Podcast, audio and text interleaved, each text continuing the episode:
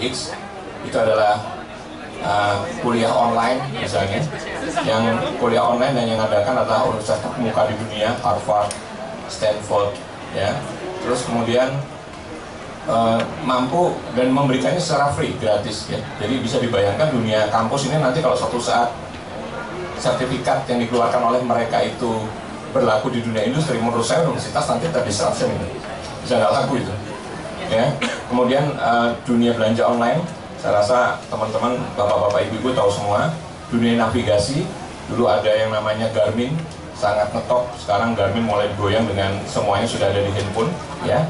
Terutama yang ngetop adalah Google Map ya dan Waze. Fintech sekarang juga sudah mulai mengganggu perbankan karena perbankan ini sekarang uh, fintech betul-betul pendekatan mendapatkan antara orang punya uang dengan orang yang perlu uang itu dengan pendekatan si yang dipentingkan malah si karakter. Jadi orang boleh minjem tanpa kolateral. Kalau bisa dibayangkan kalau ini berlaku bisa mengganggu dunia perbankan termasuk uh, pocket kamera kenapa sekarang harganya sangat jatuh? Karena memang smartphone yang sudah mempunyai kemampuan foto lebih di atasnya pocket kamera. Karena memang semuanya everything is dalam satu alat waktu itu kami nanyakan kepada Pak Renat, Pak Renat kalau dunia konstruksi apa ya yang akan disrupsi? Pak Renat tidak bisa menjawab dan justru men-challenge kami. Ya tugas Bapak nanti nyari, kira-kira begitu ya. Dan saya memang mengatakan guru itu jadi tiga level. Guru yang paling rendah levelnya itu adalah guru yang memberikan pemahaman buat kita. Jadi kalau orang nggak paham jadi paham itulah guru, guru yang paling rendah. Pak kalau ada guru yang tidak memberikan pemahaman gimana? Muridnya nggak tahu. Itu bukan guru namanya. Ya kan? Kalau guru minimal harus bisa ngasih tahu jadi paham. Guru level 2 adalah guru yang membuat kita jadi paham plus bergairah belajar. Penasaran dengan tahu berikutnya kira-kira begitu. Tapi masih di materi yang dikuasai oleh gurunya atau gurunya sudah punya. Nah ini yang level 3 guru level 3 adalah guru di mana seorang yang menginspirasi orang lain yang bahkan materi yang dia belum miliki malah dimiliki oleh muridnya nanti suatu saat saya merasa problem Kasali ada di level 3 ini. Jadi kita diinspirasi untuk melakukan sesuatu. Nah, dia menantang kami, mau banyak ada Mr. Google, ada lain-lain dan segala macam. Akhirnya kami membentuk satu tim. Memang saya bekerja di riset, saya bekerja di perusahaan untuk masa depan perusahaan, jadi tidak bekerja untuk masa kini. Nah, uh, dimulai dari satu data yang menunjukkan bahwa uh, salah satu uh, CEO of eh, eh, apa namanya Accenture mengatakan bahwa digitalisasi adalah reason kenapa banyak perusahaan itu hilang dalam list daftar Fortune 500 di tahun 2000-an hilang.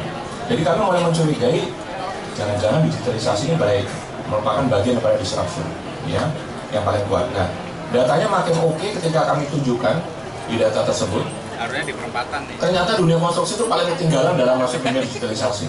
Ya dunia IT, dunia media, betul Pak Marito bilang Pak, termasuk yang paling duluan Sementara dunia konstruksi itu kalau mungkin nanti masuk digitalisasi mungkin masih 10 tahun lagi lah itu begitu luar biasa. Nah, kami mulai mengekspos lebih tentang dunia digitalisasi.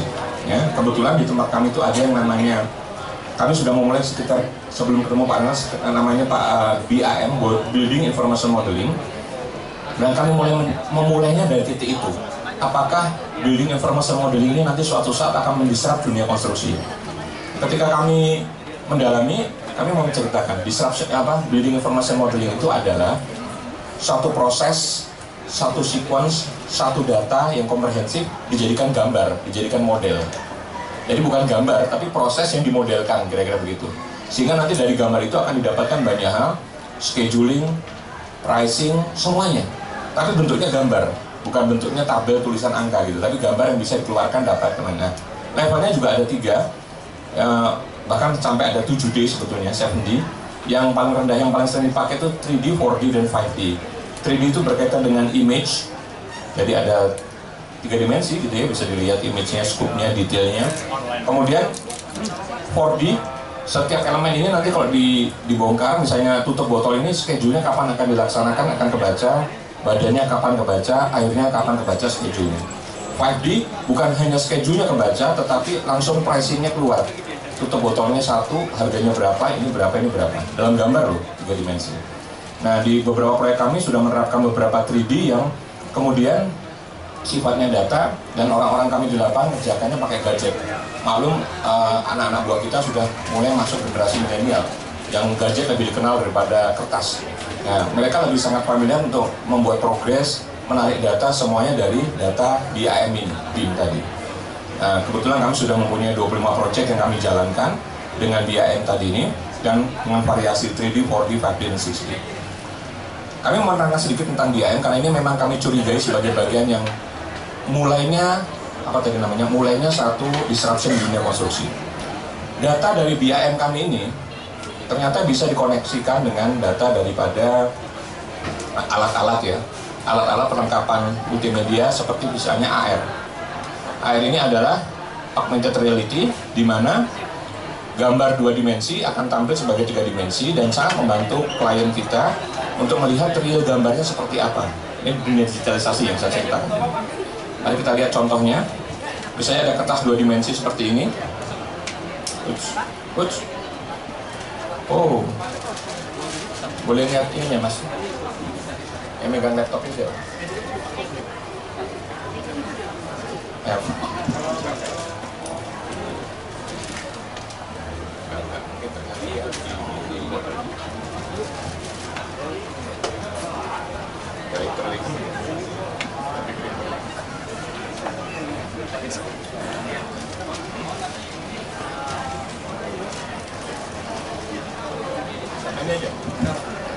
Ini aja. Pakai ini aja.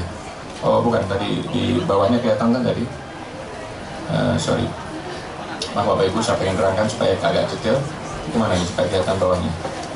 Nah ini. Ini. Ini nih. Nggak bisa bisa? Nggak masuk ya? Ini videonya ya, boleh. Nah ini yang ter AR. Yang AR. Ya. Jadi di video ini bisa terlihat gambar dua dimensi itu kelihatan langsung keluar 3D modelnya. Ya. Terus kertas itu kalau diputer sudah seperti punya market. Tentunya tiga dimensi seperti ini. Ya jadi kalau orang muter gitu, saya nggak nggak pernah bawa market nih, bawa, bawa kertas seperti ini, tapi isinya market dan bisa gedung itu isinya berlantai-lantai semuanya ada semua. Jadi kalau saya bawa kertas segini satu gedung penuh itu seperti membawa ribuan market, padahal marketnya nggak ada, kira-kira begitu. Nah kembali lagi ke slide-nya tadi. Nah menariknya adalah ketika kami uh, juga mulai menerapkan BIM ini untuk uh, ini pak, untuk uh, oh, udah bisa. Nah ini ya contohnya lagi. Terus kami mulai mempraktekkan untuk uh, VR, virtual reality. Virtual reality ini memang BIM cocok juga karena memang akan membantu seseorang untuk melihat sesuatu yang sebetulnya belum ada lewat kacamata VR. Nah jadi akan membantu sekali klien untuk melihat padahal biasanya gedung masih kosong gitu, masih cuman nanti kita bisa pasang semua interiornya sama buku-bukunya. Jadi nanti owner bisa pakai kacamata, supaya nanti bisa menilai mengatakan ini kayaknya tatanya kurang tata ruangnya kurang oke, okay, terus dirubah-rubah sama dia gitu kan. Nah bahkan sampai bisa melihat gedung secara utuh. Jadi kalau contoh di sini kita menggunakan kacamata reality kepada seseorang calon klien kita misalnya pengen bangun gedung, terus nanti dia bisa merasakan sendiri, saya pengen masuk gedung itu, terus kemudian pengen masuk ke ruang-ruangannya, saya pengen lihat desain plafonnya sudah oke okay, belum, saya pengen lihat dinding luarnya kayak apa, maksudnya apa namanya kacanya, ya fasadnya. Nah itu nanti kita tantang untuk masuk ke sini untuk masuk ke dunia digitalisasi supaya dia merasakan apa nih experience uh, nuansanya bangunan itu. Padahal sensasi betul. Sensasinya masuk dalam bangunan yang sebetulnya belum ada dan masih dalam rencana kita masuk di dalam ini misalnya contoh dia bisa melihat betul daripada uh, uh, bangunannya terus kemudian kita bisa lihat dia bisa lihat tipe plafonnya sudah cocok dengan dia inginkan. Bahkan kita juga bisa menantang dia untuk bapak keluar gedung terus bapak melihat dinding luar gedungnya seperti apa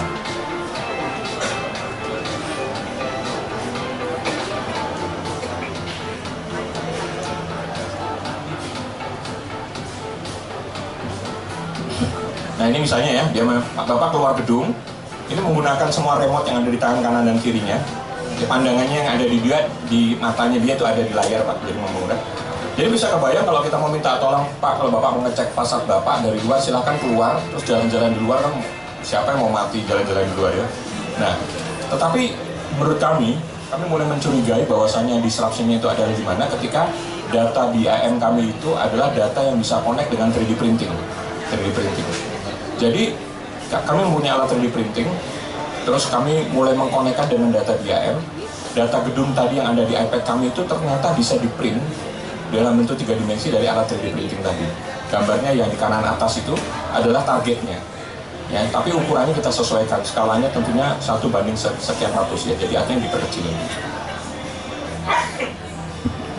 Ketika bangunan ini selesai di 3D printing, ngerjainnya kira-kira butuh waktu 5 jam, 6 jam, maka produk yang tadi ada di gambar 3D animasi tadi, yang ada di uh, eh, AR tadi, itu bisa keluar persis seperti ini. Mulailah kami berpikir bahwasanya kalau ada alat 3D printing bisa ngeprint ukuran sekecil itu, berarti kalau nanti suatu saat ada 3D printing yang bisa mengukur volume lebih besar, rasanya ini yang di dunia konstruksi. Ya, ya kira-kira begitu ya. Dan itu terjawab di Rusia sudah ada satu 3D printer yang ukurannya bisa membangun rumah. Ya, dan kita langsung penasaran banget dan komunikasi dengan mereka dan ini alat-alatnya. Jadi 3D printer tapi keluarnya adalah bahannya mortar atau semen. Ukurannya ukuran rumah tipe 36, 345 kira-kira gitu. Kalau rumah ini dibangun normalnya dalam bangunan adalah dua minggu. Dia hanya bisa dibangun dalam waktu ukuran satu hari pakai 3D printing tadi. Akurat nggak? akurat karena datanya dari BIM tadi ya kan? Dibantu manusia tapi sangat minor, sangat sedikit sekali ya bisa dibayangkan. Alatnya ukurannya tuh ukuran bisa diangkat pakai truk engkol kira-kira gitu ya. Jadi bisa dipindah-pindah semau kita dengan cepat. Dan uh, sampling rumahnya sudah mulai dibuat di Middle East Timur Tengah ya untuk menggunakan bangunan seperti ini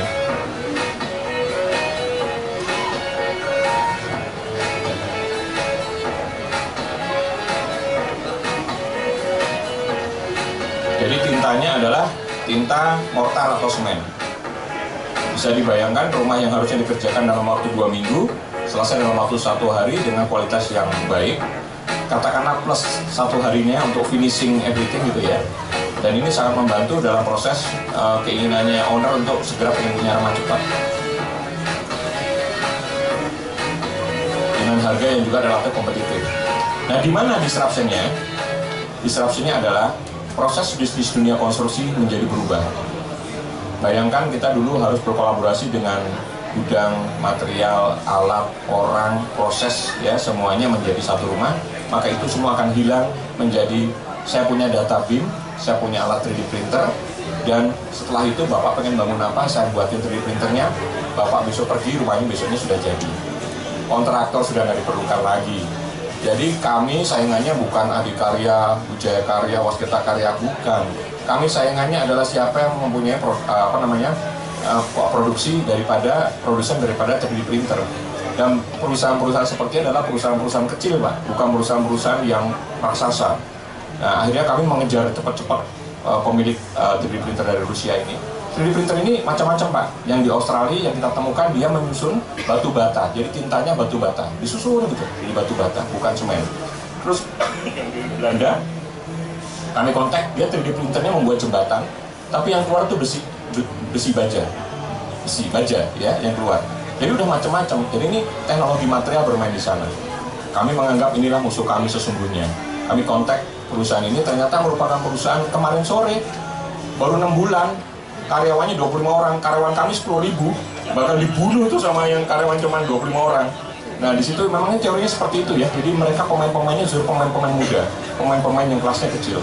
Kami membentuk tim 3D printer, kami membentuk ahli-ahli 3D printer di PP, ahli BIM, dan juga ahli profesor di bidang material untuk mulai kerjasama dengan mereka untuk menerapkan ini. Karena targetnya kami adalah di bulan April, alat itu nanti kami datangkan di sini, bulan April insya Allah. Nanti akan kami ngeprint pertama kali dan cukup membuat shock dunia konstruksi Indonesia. Tujuan kami memang membuat shock dunia konstruksi Indonesia. Ya, Nah, uh, itu ceritanya waktu kami setelah itu tiga bulan kemudian ini lahirnya tiga bulan setelah Pak Prof. Rena Kasali memberikan inspirasi kepada kami. Kami presentasi gantian. Jadi gantian saya gayanya kayak gurunya profesor gitu. Jadi saya bilang, Prof, saya udah nemukan ini Prof. Saya ceritakan, wah ini yang harus masuk di buku. Ceritanya begitu ya. Ini yang harus masuk di buku. Jadi dia beliau memang pengen uh, pemikiran-pemikiran dari disruption itu dalam kasus nyatanya terbawa. Dan memang langsung uh, uh, apa namanya ter, terreal, terrealisasi ya. Bapak Ibu sekalian kalau saya boleh memberikan satu kesimpulan ya. Bahwasanya ketika masa depan itu datang kepada kita ada tiga tipe manusia yang ada di sana. Manusia yang pertama adalah manusia membiarkan itu terjadi. Nggak urusan cuek nggak urusan tahu-tahu mati juga sih sebetulnya. Kelompok kedua yang di bawah itu adalah manusia yang membuat itu terjadi. Jadi masa depannya masih nanti nih belum sekarang tapi dibuat itu terjadi. Dan yang ketiga yang menarik adalah manusia yang yang kebingungan sendiri gitu. Ada apa sih ini? Kok kenapa sih kok seperti ini ya? Seperti yang selalu mempermasalahkan atau menyalahkan kenapa daya beli masyarakat turun? Ya kira-kira gitu ya. Dia nggak sadar sebetulnya terjadi pergeseran market. Nah kami berusaha untuk berada di sini. Membuat itu terjadi. Kami selalu presentasi di mana-mana ketika kami presentasi di Kementerian PUPR dan segala macam. Jadi ini masa depan kamu buat sekarang. Nih tomorrow is today kan judulnya kan. Kamu menghilangkan dunia apa namanya kerjanya. Lapangan kerjanya masyarakat. Dibilang begitu kan. Puasa jadi kalau presentasi seperti ini kalau sama Prof. Rena presentasi seperti ini kan di rumah perubahan ada acara selalu itu. Diserangnya itu masalah dunia kerja itu lapangan kerja yang hilang. Ya kan jawaban saya sederhana bahwa kita tidak mungkin mengerem teknologi. Teknologi is coming coming ya. Yang hanya bisa kita lakukan adalah membuat mereka teradaptasi dengan teknologi. Kalau kita boleh ngomong dulu waktu Makarim Nabi Makarim menemukan Gojek ya. Saya masih ingat ceritanya Ahmad Zaki waktu itu Ahmad Zaki udah punya buka lapak dia mau ikut apa numpang promosi di mau melakukan kerjasama dengan uh, Bukalapak. Kemudian si Ahmad Zaki bertanya ini apa sih? Apanya? Apa programnya seperti apa aplikasinya?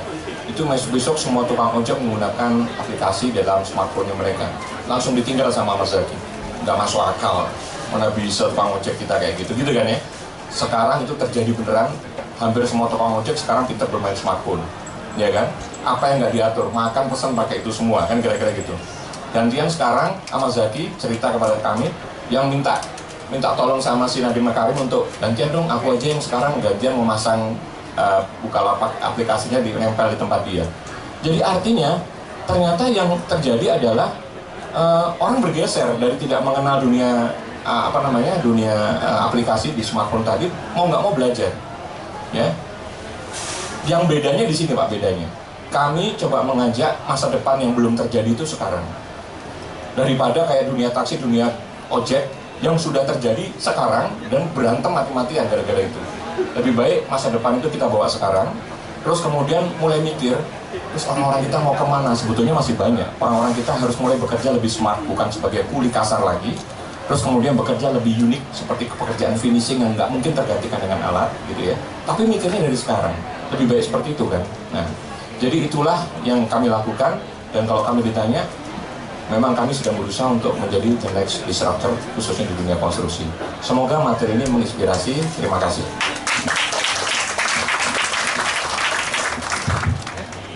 Uh, Pak terima kasih untuk presentasi Pak. Ini lebih baik saya pertanyaan yang pendek-pendek dulu ya. Nanti biar uh, teman-teman di sini bertanya yang lebih panjang-panjang. Simpel-simpel aja Pak. Mungkin dijawab singkat juga siapa yang mengawal ini Pak di internal eh, PT terus saya jawab Pak pendek Pak pendek sekali kalau banyak jawabnya saya enggak Pak jadi kebetulan di tempat kami ada satu divisi yang memang tugasnya adalah riset selalu berpikir masa depan Yeah. Jadi ketika kami ketemu Prof. Rena Kasali pertama kali, maka kami juga harus yang punya tugas untuk berpikir masa depan. Kebetulan itu di bawah divisi saya. Hmm. Jadi saya, saya ini usianya udah 51. Tetapi begitu Bapak nanya anak buah saya, anak buah saya persis usianya udah kepala 30 sama 20. Jadi saya memimpin anak-anak yang generasinya sangat jauh dengan saya. Dan lahirnya ide-ide itu setelah kita brainstorming sama mereka. Pak rasanya, Pak rasanya, Pak rasanya. Kita nyari sinyal-sinyal lemah itu seperti itu. Makanya kita harus ingat jangan membawa masa lalu saya yang dulu merasa hebat dengan era saya ke masa sekarang mungkin mulai ketinggalan justru saya bisa memanfaatkan pemikiran anak-anak muda ini yang justru ke mana-mana kira-kira begitu pak boleh tahu pak komposisi yang muda-muda itu di tim bapak berapa atau nanti itu satu hmm. secara keseluruhan PP itu anak-anak milenial sudah komposisinya berapa oh, iya. mungkin karena kita akan lebih mendekati seperti cerita Pak Ajar tadi kan ini sebenarnya yang yang yang menjadi tadi ya pemberi sinyal-sinyal itu tadi. Iya. Jadi anak-anak milenial kalau di di PP-nya sendiri itu generasinya sudah menguasai hampir 60% masuk ke 70% sudah cukup dominan. Ya Gen Y ya Pak ya. Kalau di Gen X itu di atasnya jadi usianya udah lahir sebelum tahun ini terus setelah tahun 80 itu sekarang yang yang kelompok-kelompok kami ini yang di JTX dan baby boomers ada sebagian kecil tapi kalau bapak nanya lebih spesifik di unit saya di unit saya di apa namanya di unit riset kami maka bapak saya akan jelaskan saya punya 20 orang yang Gen X nya cuma satu saya sisanya Gen Y semua jadi 19 orang itu adalah Gen Y semua jadi saya cenderung hanya tinggal mengkonekkan antara pemikiran yang ada di dalam pemikiran perusahaan sama apa yang ada di dalam pemikiran cara berpikir anak-anak milenial ini. Dan menurut saya memang kita harus bekerja seperti itu. Sih. Ya. Satu lagi Pak, eh, ini kan lebih banyak cerita-cerita manisnya gitu. Cerita gonjang ganjingnya itu seperti apa? Bisa di-sharing Pak? Pasti ini kan juga, ya tadi itu salah satunya tenaga kerja ya uh, tanda petik kekhawatiran generasi-generasi lama ini kan lebih ke jangan-jangan pekerjaan saya hilang. Mungkin Pak Aja punya cerita ya bagaimana ide ini pasti ada yang menolak juga kan yeah. awal-awal sampai kemudian mungkin juga sempat menimbulkan uh, friksi-friksi di yeah. dalam PT-PT. Iya, uh, kebetulan saya beruntung berada di satu perusahaan yang memang aspek inovasi itu dikedepankan jadi dari tahun ke tahun sejak mungkin saya bergabung sama PP 25 eh, tahun yang lalu, itu selalu kita di pressure dengan eh, eh, temuan-temuan uh, baru. Jadi uh, pasti kami paham bahwa begini, tantangan terberat kami gini, teknologi itu selalu lebih cepat daripada mindset manusianya sendiri untuk menyesuaikan. Ya. Terus kemudian yang paling penting itu adalah regulasi. Jadi ketika kami presentasi ini di, depan Kementerian PUPR, mereka langsung kaget dan mengatakan, waduh gawat dunia tender kita berubah semua nih gara-gara ini nih, yang gitu ya. Tapi hebatnya Kementerian PUPR justru menangkap positif. Kalau gitu kita bentuk tim dan mungkin regulasi kita harus kita buat roadmapnya berubah mengikuti ini. Seperti yang terjadi di AP2 kalau Bapak pernah dengar, kan sekarang ada kereta yang maju mundur menghubungkan antara terminal-terminal itu ya. Dan itu kan tanpa tanpa awak ya, tanpa tanpa supir. Itu sempat hampir nggak jalan karena peraturannya mengatakan yang namanya kendaraan harus pakai supir. Ya tapi kemudian ya peraturan kan kita yang buat. Nah sejauh open mind orang-orangnya dirubahlah peraturannya sekarang bisa berjalan. Ya kira-kira begitu. Nah jadi kalau kami selalu ditanya tantangan bagaimana ini bisa berjalan selalu kami mengatakan yang selalu menjadi hambatan kami ke depan itu adalah regulasi. Regulasi. Jadi selamat datang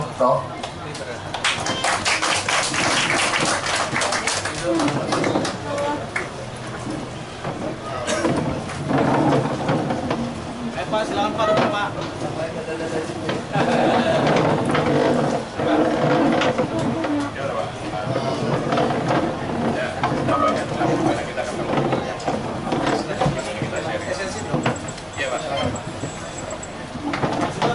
Jadi memang yang paling tantangan terberat kami yang kami rasakan nanti adalah adalah bagaimana kami meyakinkan banyak pihak dan regulasi. Seperti dulu kami pertama kali uh, di tahun 9 tahun 10 tahun yang lalu menemukan satu konsep yang namanya green building. Green building itu juga satu konsep yang kita kenalkan ke banyak owner dan owner menolak bisa-bisa. Karena green building itu biaya membangunnya Pak, biaya membangunnya lebih mahal daripada bangunan normal, 5% sampai 10%. Tetapi operational cost-nya jauh lebih murah daripada bangunan. Nah, orang Indonesia itu nggak bisa dibawa mindset e, nanti 10 tahun ke depan biayanya lebih murah, nggak bisa. Yang dia lihat saya belinya berapa saat itu. Nah, setengah mati kita melakukan edukasi itu kepada banyak pihak sampai kemudian belum auditor BPK, BPKP dia nggak bisa terima tuh bangun lebih mahal gitu. Tapi setelah operational cost karena listriknya lebih murah, airnya lebih murah itu bisa kita buktikan. Akhirnya barulah terjadi dan Kementerian PUPR adalah yang termasuk membantu kami untuk merealisasikan. Jadi pasti nanti pahitnya di mana? Pahitnya adalah tentunya merubah mindset dari stakeholdernya dunia jasa konstruksi termasuk regulasinya. Pasti itu nanti ada dan Alhamdulillah kami sudah punya pengalaman dulu bagaimana edukasi adalah bagian penting. Cuman enaknya kalau yang sekarang edukasinya dibantu oleh Program Kasali sendiri karena memang sudah ada buku dan segala macam memang sudah bercerita. Sekarang kalau pesertanya disruption di rumah perubahan saya lihat sudah mulai banyak dari uh, dinas-dinas Pak ya, dari uh, unsur pemerintah. Bayangkan, unsur pemerintah loh sekarang yang belajar tentang disruption dan segala macam. Jadi saya pikir wah ini menarik sekali dan menurut saya akan lebih mudah dan cepat untuk menuju ke sana. Terima kasih, Pak. Terima kasih Pak Hajar. Uh, jadi nanti Bapak Ibu bisa bertanya lebih mendalam ya tadi saya tanya yang basic-basic. Selamat datang Pak Renal Kasali yang punya hajat eh, hari ini.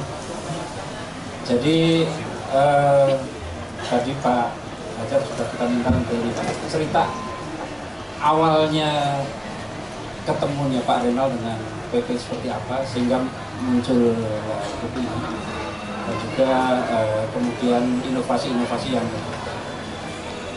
eh, dilakukan oleh PP-PP setelah eh, Pak Renal bertemu dengan eh, teman-teman PP. Selanjutnya sebelum ke Pak Sus, saya serahkan ke yang punya hajat dulu. Pak Sus itu gong nanti. Pokoknya semua diambil Pak Sus lah. Nah, eh, Pak repot pengaruh dulu Pak. Yang dibahas ini Pak soalnya. Jadi eh, yang punya hajat dulu. Silakan Pak Renal, eh, saya persilakan untuk eh, apa namanya memulai sesi ini dan juga eh, masuk ke eh, isi dari buku. Silakan Pak. Baik, makasih Mas Marioto, Pak Hajar, Asus dan teman-teman ini dari mana-mana nih macam-macam ya, dari saudara, dari segala macam ya. Eh, Bapak Ibu sekalian, saya pertama ingin menyampaikan bahwa saya sendiri bingung sekarang. Ya. Bingung antara apa yang saya tulis di buku Disrupsus dan di buku ini. Saya lupa ini ada di sini apa ada yang sebelumnya begitu ya. Karena waktunya begitu cepat. Jadi saya saya lupa saya ceritakan di mana. So pada waktu saya nulis buku Disruptions, begitu selesai itu saya otak saya udah berjalan lagi ke tempat yang lain begitu ya. Nah, ada bagian yang saya sesali tidak bisa masuk di buku Disruptions. Tapi kalau itu dimasukkan, saya berpikir juga betapa boringnya Anda membaca buku yang makin tebal gitu ya. Nah, jadi pertemuan kami ini kemudian lahirlah buku itu dan ada banyak konsep-konsep baru yang saya impose dan saya rasakan itu mungkin akan ada gunanya untuk membaca. Nah, persoalannya sekarang saat ini nampaknya masyarakat kita terbelah dua nih. Apa pun terbelah dua gitu ya. Tapi saya nggak peduli mereka percaya atau tidak adanya disruptions. Karena persoalan yang kita hadapi hari ini itu adalah masalah teknologi. Ya. Sementara sebagian orang berpikir itu masalah ekonomi konvensional. Ekonomi konvensional Anda bisa lihat ini betapa kacaunya. Tadi malam saya tulis di grup teman-teman. Coba bayangkan teman-teman. Pertama tahu media bilang mengatakan mall sepi, gitu kan? Uh, penjualan kemudian turun, ada rugi. Kemudian mereka bilang daya beli turun. Oke, daya beli turun. Terus lama-lama dianalisa mereka mengatakan yang uh, mall di mall kan di Jakarta ya, mall Jakarta. Saya langsung menjela- menjelaskan bahwa ini disruption sekarang terjadi di seluruh dunia. Nah, saudara-saudara, pada waktu Twitter muncul, itu ledakan yang luar biasa karena dalam tempo 9 bulan dicapai 50 juta user. Di mana dulu waktu zamannya radio transistor itu membutuhkan waktu 38 tahun. Hari ini 9 bulan, artinya apa? Konsepnya Friedman mengenai the world is flat itu jadi kenyataan hari ini. 2008 itu saya bantah itu. Pada waktu terjadi krisis, krisis di Amerika, masih ingat tuh diskusi panel ekonomi di Kompas. Saya bilang enggak deh, the world is still round gitu ya. Saya bilang Columbus benar tuh, karena nyatanya yang pakai email adalah orang. Terima kasih ya. Wah, kok saya sendiri dikasih kopi? Mungkin karena saya terlalu putih kali dikasih kopi hitam ya. Biar sama kayak Mas Marwo tuh.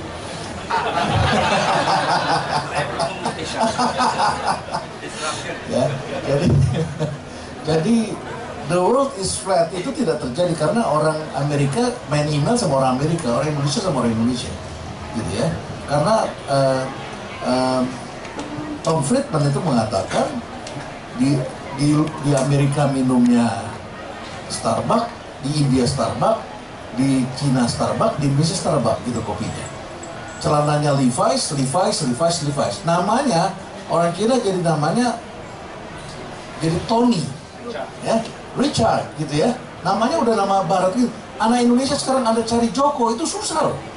Namanya udah Kevin sekarang, ya kan? Anaknya Pak Joko namanya Kevin misalnya gitu ya kan? Sudah kayak begitu sekarang. Nah, jadi pada waktu itu saya bilang krisis Amerika 2008 tidak terjadi di sini karena kalau bumi bulat di di utara itu Desember lagi musim dingin, di selatan musim panas kan gitu ya jadi kalau anda pergi ke New Zealand nih sekarang lagi musim hangat nih gitu enak di sana. Tapi di Amerika rasa dingin anda ini udah di bawah 5 derajat hari ini.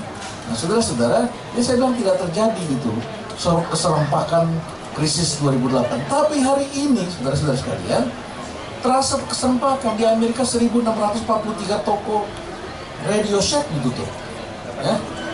Hah? 8000 akhir tahun. Wah mengerikan ya. Tapi terus kemudian mereka bilang iya online itu kecil cuma satu persen. Saya bilang wah kalau dia ngomongnya kayak gitu nih berarti ini ini satu persen aja udah kayak gini nih. Ntar kalau 8 persen tuh berarti akan lebih bahaya lagi. Mereka bilang kecil tapi kalau saya ngomong sama anak muda semuanya bilang besar sekali ya. Nah terus mereka bilang bahwa ini adalah uh, mall sepi terus kemudian di riset terus mengatakan benar terjadi pelemahan daya beli. Di mana? Yang daya belinya turun itu adalah orang miskin orang yang di bawah. Yang tinggal di mana? Di daerah lo maunya sepi di Jakarta yang miskin di daerah. Terjadi penurunan daya beli di daerah. Ini kan makin nggak nyambung nih kita nih ngomong begini. BPS juga ikut-ikutan. Saya minta BPS tuh di reform tuh datanya tuh ya. Ini mengacaukan kita semua. Masa mau sepi penurunan daya beli di daerah. Orang miskin pernah ke bawah. Yang lagi susah ini orang Jakarta orang Surabaya ya. Banyak orang perusahaan yang kelas menengah barangkali bonusnya berkurang akhir tahun. Karena disruptions yang lagi susah kelas menengah orang Surabaya pun akan susah karena ada tol laut dan lain sebagainya distribusi langsung ke sana ya. jadi ya alhamdulillahnya kalau itu terus diturunkan kita akan bikin banyak program buat rakyat kecil itu alhamdulillahnya ya. Dana desa kalau perlu ditambahin lagi biar orang desa tambah kaya kan begitu kan itu itu ininya ya dampak positifnya ya.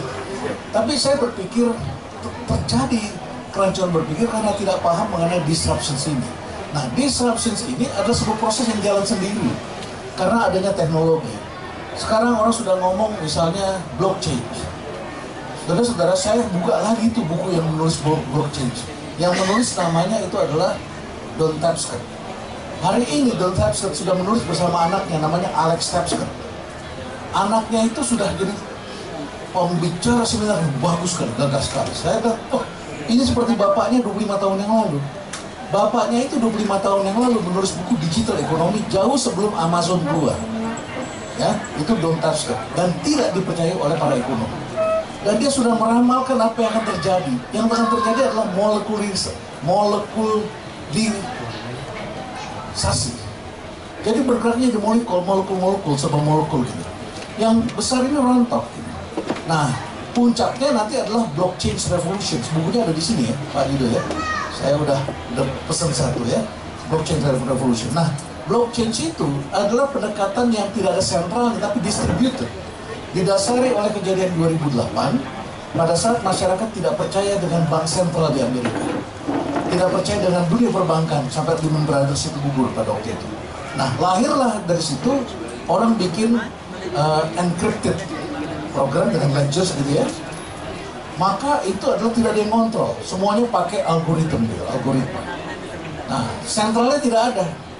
Nah itulah yang menjadi teknologi bitcoin. Bitcoin. Gitu nah bitcoin berkembang. Anda tahu berapa harga bitcoin? Satu satu koin sekarang berapa? Rupiahnya. Berapa?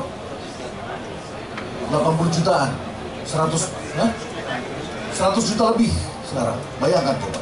Dari 2008 tuh ke sekarang harganya sudah segitu bergerak terus. Nah itu yang bikin kan Satoshi Nakamoto. Siapa itu orang? Gak ada yang tahu dia siapa. Itu nama samaran. Ya nama samaran. Tersembunyi dia gitu ya. Jadi tidak ada satu pun yang bisa mengontrol. Nah teknologi ini sekarang digunakan untuk segala macam kehidupan.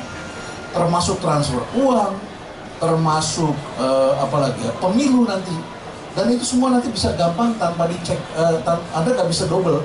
Karena begitu anda nanti eh, masuk gitu ya ke sejak jempol atau apa begitu ya itu udah nggak bisa ditiru lagi. Pasti anda udah milih gitu ya. Jadi dikontrol tuh seperti itu blockchain itu blockchain revolution. Nah ini teknologi bapak ibu sekalian. Kalau teknologi kita harus segera merubah diri. Pak Hajar tadi sudah diceritakan bagaimana itu dengan adanya nanti konkret pameto yang bisa bikin rumah dalam, dalam waktu cepat. Udah ceritakan tadi kan ya dalam waktu cepat seperti itu berarti kan bisnis prosesnya harus berubah.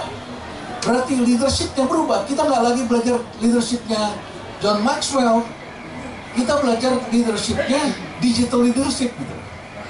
Di mana agility itu menjadi pangkal persoalan gitu. Tadi saya ditanya teman-teman Pak Yuda sempat tanya sama saya jadi nggak nih Pak Renat datang sini? Jadi saya bilang. Padahal saya masih di Solo tadi pagi gitu ya. Terus ditelepon lagi di mana? Saya udah di Jogja jadi saya tinggal baca GPS saja. Naik kereta atau apa? Beli tiket saya bilang beli tiket. Ini tiket harga berapa? Ah harga segitu beli aja. Dari Solo ke Jogja. In case jalanan macet kita udah ada kereta satu jam pasti ya. Tapi begitu saya lihat jalanan biru di GPS kita pakai mobil aja sampai di Jogja. Sampai di Jogja ngobrol sebentar udah terbang ke Jakarta. Agile. Kita bisa agile tangkas. Karena adanya bantuan teknologi. Nah Pak Hajar di PP begitu memimpin PP maka dengan adanya teknologi tidak bisa lagi dengan mindset lama leadership tidak bisa lama lagi harus ada agility, harus ada transparansi, harus ada macam-macam. Nah, itu benar. Yang kedua, resource allocation-nya sudah beda. Bagaimana kita mengalokasikan resources. Ini bikin begini, ada orang lama yang nggak suka loh. Kalau misalnya bisnisnya berubah, ini kan ada bisnis ini akan nanti mati atau jadi kecil. Orang-orang yang kerja di sini akan berpolitik. Sama terjadi seperti yang saya ceritakan Kodak itu kan. Sekarang banyak orang cerita mengenai Kodak Kodak itu ketika ditemukan kamera digital, orang lama kan marah semua sampai mereka bilang our business is chemical, ya, not kamera katanya. Kalau anda bikinnya kamera digital, bisnisnya artinya bisnis kamera. Kami bukan bisnis kamera, kami chemical karena kita semua chemis kata mereka, orang kimia. Sehingga tidak ada resource allocation ke sana. Ya. Kemudian yang ketiga yang harus berubah itu adalah bisnis proses. Bisnis prosesnya di PP tadi sudah ditunjukkan gambarnya berubah saudara-saudara. Ada bagian yang hilang. Terus kalau hilang pekerjaan akan hilang. Pasti hilang. Tapi don't worry akan ada pekerjaan baru yang muncul gitu. Sama ketika sebagian orang menangisi pekerja di pintu tol kemarin kan? Saya ajak ngomong Pak Kus kebetulan salah satu direktur SDM yang bagus dan dia baru masuk di PP Begitu dia menjalankan itu, saya tanya, apa programnya Pak Gus? Pak Gus akan lakukan apa dengan orang ini? Ternyata dia tidak akan melakukan PHK karena itu perintah presiden, tidak boleh ada PHK. Jadi justru ternyata orang ini bisa dipindahkan ke mana? Kerjanya di control room, itu bagus. Begitu saya ngomong dengan orang-orang kerja di di pintu tol, saya jadi ngerti. Anda mau nggak kerja di pintu tol? Toiletnya nggak ada loh. Ya, Anda tuh shift-shiftan, nungguin kalau Anda mau pipis 4 jam saya nggak tahu kalau ada plastik di pinggir jalan isi air itu apa di situ. Saya nggak tahu gitu, ya. Gitu loh. Jadi orang yang ngomong itu di atas nama serikat pekerja bahwa ini akan kehilangan pekerjaan, satu itu bohong, ya. Yang kedua, mereka bilang lagi karyawan sepuluh ribu yang, lah karyawan jasa marga cuma empat ribu, yang di jalan tol cuma seribu, dia bilang sepuluh ribu akan hilang, gitu ya. Kemudian mereka bilang ini tidak manusiawi kerja kerjaan mereka dihilangkan. Justru kerja di situ tidak manusiawi menurut saya karena makin hari anda punya mobil semua. Itu mobil makin banyak kecepatan tinggi kalau truk lewat bis malam lewat itu kena potnya saudara-saudara itu mereka yang cium gitu. Mereka yang telan gitu asapnya nah itu dipindahkan ke kontrol room. Menurut saya itu kan fine gitu. Oleh karena itu muncul pekerjaan baru dan harus di training monitoring ya, alat yang IT dan ternyata banyak S1 deh di pintu tol itu ya belum lagi nanti kalau mereka mau naik tarifnya. Pasti kan Anda semua bilang, eh syaratnya adalah servis harus ditingkatkan. Gitu loh. Kalau rate mau dinaikin, servis harus ditingkatkan. Maka mereka memerlukan inspektur jalan tol. Maka mereka memerlukan inspektur di rest area. Itu pekerjaan banyak sekali. Ya, belum lagi nanti pekerjaan pakai drone, harus ada drone operator. Sekarang muncul kan pekerjaan-pekerjaan baru lagi, apps developer dan sebagainya banyak sekali pekerjaan baru yang harus kita create nih. Celakanya sekolah-sekolah IT di Indonesia itu dilarang ekspansi saat ini. Saya kesel juga tuh lihat PTS kalau mau buka jurusan IT atau computer science itu katanya udah jenuh pasarnya. Come on deh, itu tolong media catat tuh, ingetin tuh.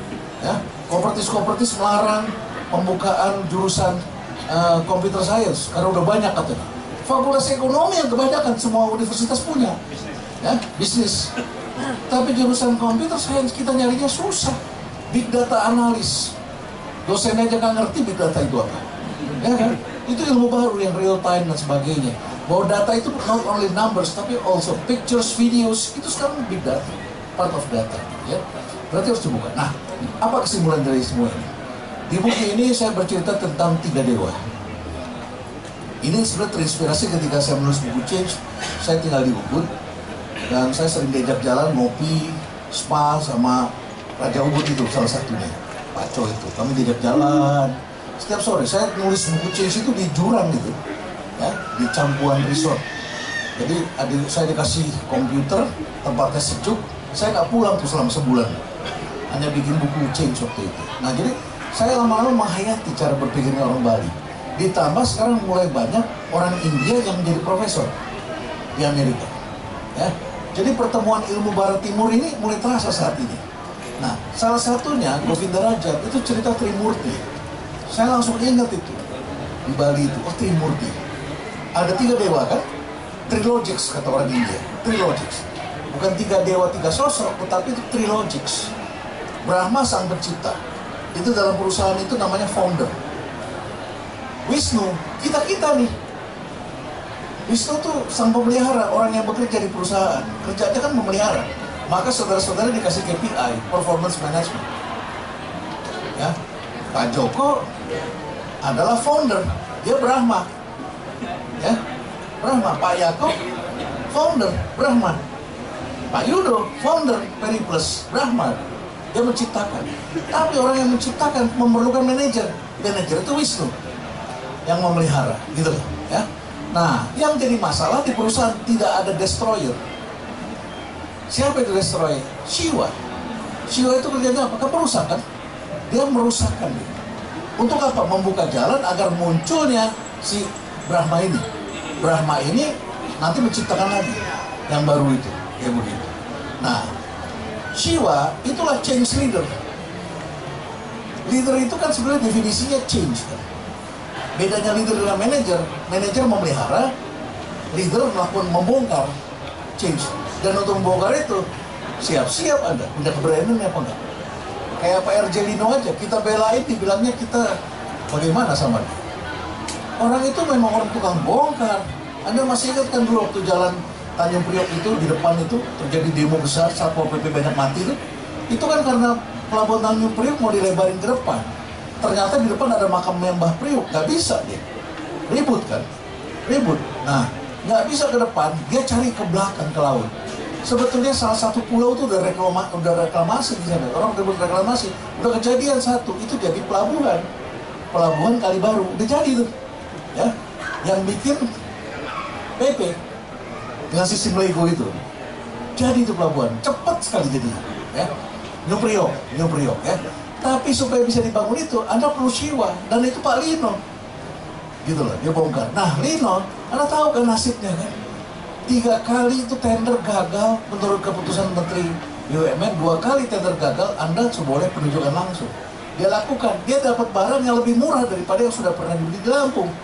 Eh, dia di, di, di disangka korupsi begitu. Karena dianggapnya tidak melakukan tender. Kayak begitu. Ya. Nah, saudara-saudara, kalau saudara mau ikutin peraturan yang berbelit-belit hari ini, itu bisa nggak jadi. Kata Pak Jokowi ada 44 ribu peraturan berbelit-belit, yang kalau harus dikaji satu persatu, 100 tahun nggak selesai. Ya, nah saudara-saudara, itu kerjanya sih waktu menghancurkan dulu supaya ini keluar. Nah, di dalam banyak perusahaan saya melihat itu tidak terjadi kehadiran yang namanya sang siwa itu yang punya keberanian sosok melakukan bongkar itu. Apalagi ini teknologi, Mas Marioto, gitu ya. Nah, dengan adanya teknologi ini, itu banyak orang yang melihat sisi negatifnya, takutnya, ancamannya. Karena itu banyak hidupnya dia. Nah, oleh karena itu maka menurut hemat saya dalam disruption ini, pertama-tama kita harus paham dulu what disruption is. Ya, anda tidak lepas waktu itu saya nggak tahu Masus ini adalah dari Sinkarolus, ya saya berceritalah tentang rumah sakit rumah sakit. Nggak tahu dia, dia ketua yayasan. Nah, duduk di depan saya. Nah, tapi ketua eh, susternya, suster CB ya. Nah itu mau ketemu saya, suster Yus yang baru ya, Yustia ya. Nah kayak gitu. Nah saudara-saudara, kita semua ini terancam dengan disrupsi. Ilmu kita ini akan obsolete. Pertama-tama saya mesti ingatkan gini, kita ini belajar di dunia real, ini dunia real. Real apa? Kita main ayunan waktu kecil. Ada ingat tuh? Main gobak sodor, main bentengan, ya, main kasti, ya, main bekel, main karet, ya, main congklak. That is dunia real. Main monopoli, dunia real, gitu ya. Ini dunia real. Dunia real didefine, didefinisikan dengan tatap mata. Seorang anak menjadi human karena tatap mata. Anda menatap, Anda Anda menyusui anak Anda, ibu menyusui anak eh, bayinya, itu bayinya ditatap matanya, digitikin, dicium, dipakai, diusap pakai minyak telon. Human touch, gitu ya. Sehingga kemudian Anda menatap matanya, lahirlah bahasa. Bahasa, dia ngeliat mulut kita, jadi bahasa. Bapak Ibu sekalian, hari ini, hari ini, kita banyak menyaksikan ibu-ibu menyusui anaknya tidak tatap mata, matanya melihat gadget. Screen. Ini happens. Saya percaya banyak di antara pasti mengalami. Ya. Dan anda tidak menyadari, it change the human behavior. Ya. Nah, ini reality, ini adalah mesin di sini. Interface-nya sekarang cuma tinggal sedikit di sini mesin. Ini hidup di sini, ini harus dipetakan, Bapak Ibu sekalian, dipetakan. Maka di sini terjadilah namanya cyber baby, cyber mom, cyber romance, cyber crime, gitu ya, Uh, virtual job, gitu loh, ya. It's a lot of things di sini, gitu. Ya. Dan bisa dikontrol dari jauh. Maka pekerjaan nanti karena dunianya menjadi molekul-molekul, maka kemungkinan besar kantor pun akan apa? uh, kebudayaan kantor pun akan berubah nanti. Kantor itu hanya menjadi sentral aktivitas tertentu, karyawannya dari rumah-rumah, bahkan Pak Hajar pun untuk membuat bangunan di daerah Sulawesi Utara tidak harus mengirim orang, dia tinggal tembak pakai satelit, konturnya langsung kelihatan, dia bisa bikin planning dari sini hari ini, bagaimana bangunan itu dibikin, tanahnya dia tahu itu seperti apa, bisa dilacak. Gak perlu ketemu preman di sana. ya. Nah, Bapak Ibu sekalian, jadi teknologi ini merubah banyak hal, termasuk perilaku kita, ya, termasuk perilaku manusia. Banyak orang tua tidak kenal, ya. Tapi saya, misalnya saya sebutkan sesuatu, kok anak-anak muda tahu, saya nggak tahu gitu. Misalnya gini, saya baca di buku ada ada tulisan misalnya mengenai pembahasan mengenai normalization of fetish. Fetish itu adalah cara hidup dengan menggunakan benda-benda ya sikap orang terhadap benda-benda bagaimana. Dan ini nanti ujungnya lagi ke perilaku seksual gitu ya. Uh, munculnya bondage dan sebagainya orang yang pakai pakaian kulit penyiksaan dan sebagainya slave and master relationship gitu kan ya semacam itu. Nah ini komunitasnya sekarang muncul di dunia maya. Dan dunia maya ini tersembunyi kan orang pikir nggak kelihatan. Gitu. dan ini akan menjadi normalisasi. Dan kemudian di situ disebutkan itu terjadi karena ada buku yang judulnya The Fifty Shades of Grey. Nah, yang tahu ini adalah dunia baru nih. Tapi ada yang tidak bergerak lehernya, itu orang lama. Ya, saya orang lama. Saya nggak, ketika saya baca, apa nih? Apa ada nih? Gimana? Saya cek mana anak Eh, tolong cari buku ini. Mereka langsung jawab sekejap ke saya. Pak, buku itu nggak ada di sini. Itu dilarang, Pak, di sini. Terus apa isinya? Isinya begini, begini, begini, begini. Lu tahu dari mana? Saya bilang. Saya udah nonton video filmnya pak. Oh, sampai filmnya mereka udah nonton. Saya bingung gitu ya. Nah, that is a normalization of fetish. Hal-hal yang dulunya tabu, yang dulunya ini terjadi di dunia gelap ini, yang tidak kita kenal dan tidak kelihatan di sini. Ya. Nah, Bapak Ibu sekalian, maka perilaku manusia pun beda. Anda bisa bayangkan hari ini Anda sudah lihat ada video mengenai uh, siapa? Bukan Alexis, uh, Alexa, Alexa, Alexa ya? Temannya Alexis, Alexa ya? Ah, begitu loh. Kok tiba-tiba pura-pura nggak tahu? Kemarin di grup kamu semangat sekali. yang, yang robot itu, robot perempuan siapa? Nah, Alexa ya? Alexa ya? Bener ya? Sofia. Eh, Sofia. Sofia. Ah, Sofia. Sofia ya? Itu sudah disahkan jadi warga negara kan? Sofia. Ya, Sofia. Nah.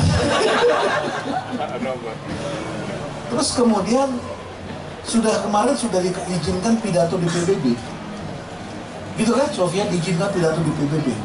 ya ditanya masalah apa yang dihadapi oleh PBB dia mikir sebentar dia jelaskan masalah apa yang dihadapi dunia dia jelaskan robot saja udah bisa mikir tuh kayak gitu gitu. bayangkan coba terjadi perubahan seperti itu ya nah berarti kan ini nanti mesin akan lebih pintar dari manusia nih. ya kita aja statistik ngitungnya dua hari dua malam gak kelar kelar tuh saya bikin Hah?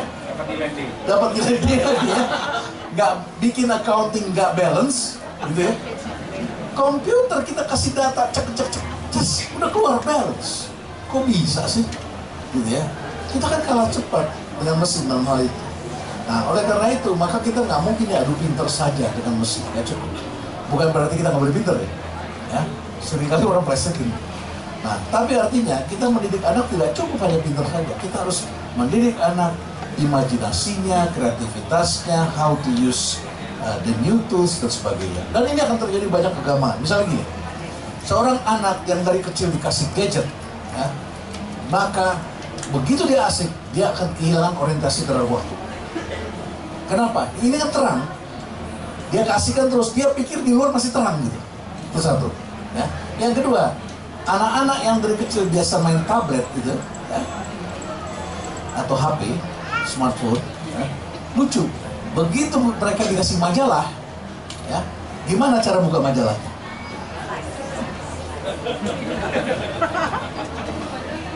Kasih majalah, eksperimen tuh, begitu-gitu majalah itu. Dia nggak tahu cara membuka majalah sesimpel itu. Gitu.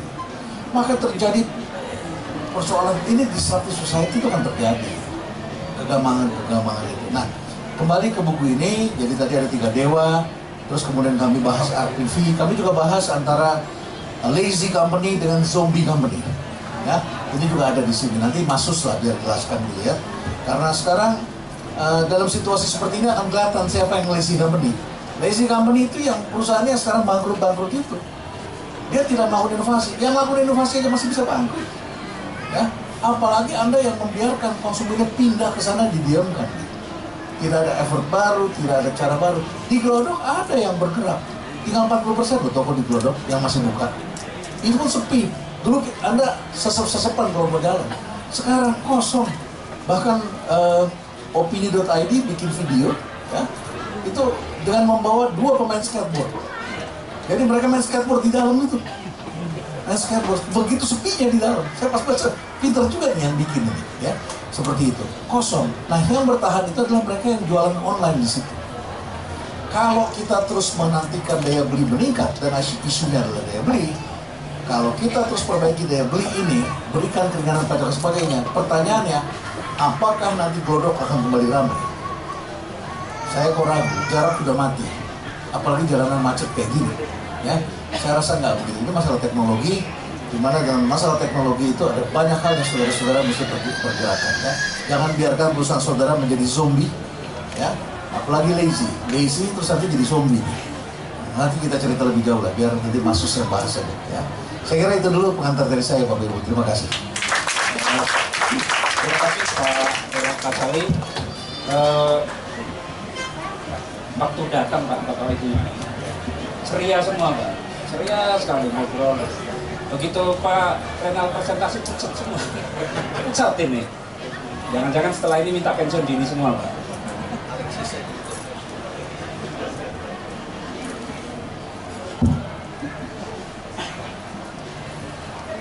Ya, eh, jangan-jangan ya itu tadi Pak, nanti Bapak Ibu yang di sini memutuskan untuk pensiun dini karena bukan mendapat inspirasi dari Pak Renal tapi merasa terancam ya. Yang kebetulan kalau lihat wajah-wajahnya mini milenial Pak di sini. Jadi berkebalikan dengan PP Pak, sudah 70 persen. Yang di sini 70 70 persen uh, before milenial.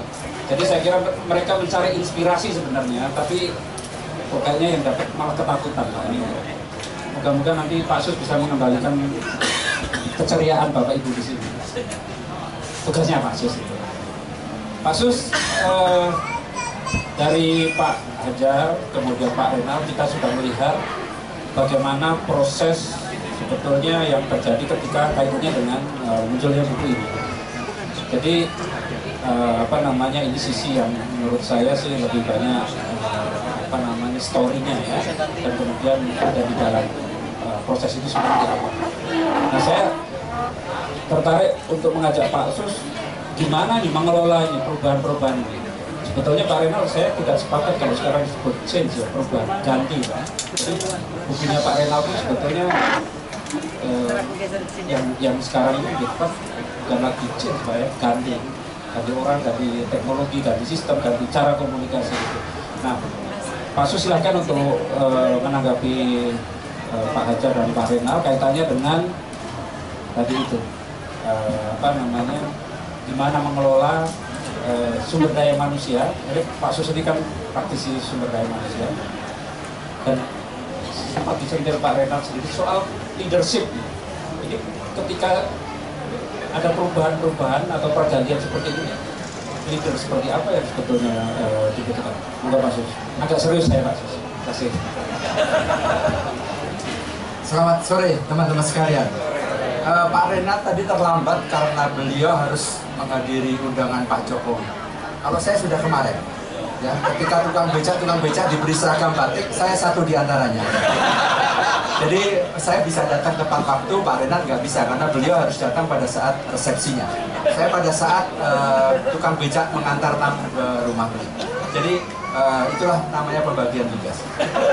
Yang kedua, eh, ibu-ibu dan bapak sekalian, Pak Hajar dan Pak Renat tadi bicara begitu antusias berkobar-kobar mengenai teknologi. Padahal di buku ini, Pak Renat mengatakan, atau siapa pun mengatakan yang dikutip oleh Pak Renat, ada dua aspek yang sangat penting. Yang pertama adalah teknologi, dan yang kedua adalah sumber daya manusia. Dan izinkanlah saya bicara dari aspek sumber daya manusia. Meskipun saya tidak berpretensi ahli sebagai sumber daya manusia. Ibu- Ibu-ibu dan bapak sekalian, saya sedikit ingin cerita mengenai anak saya perempuan ketika dia kuliah di Bandung.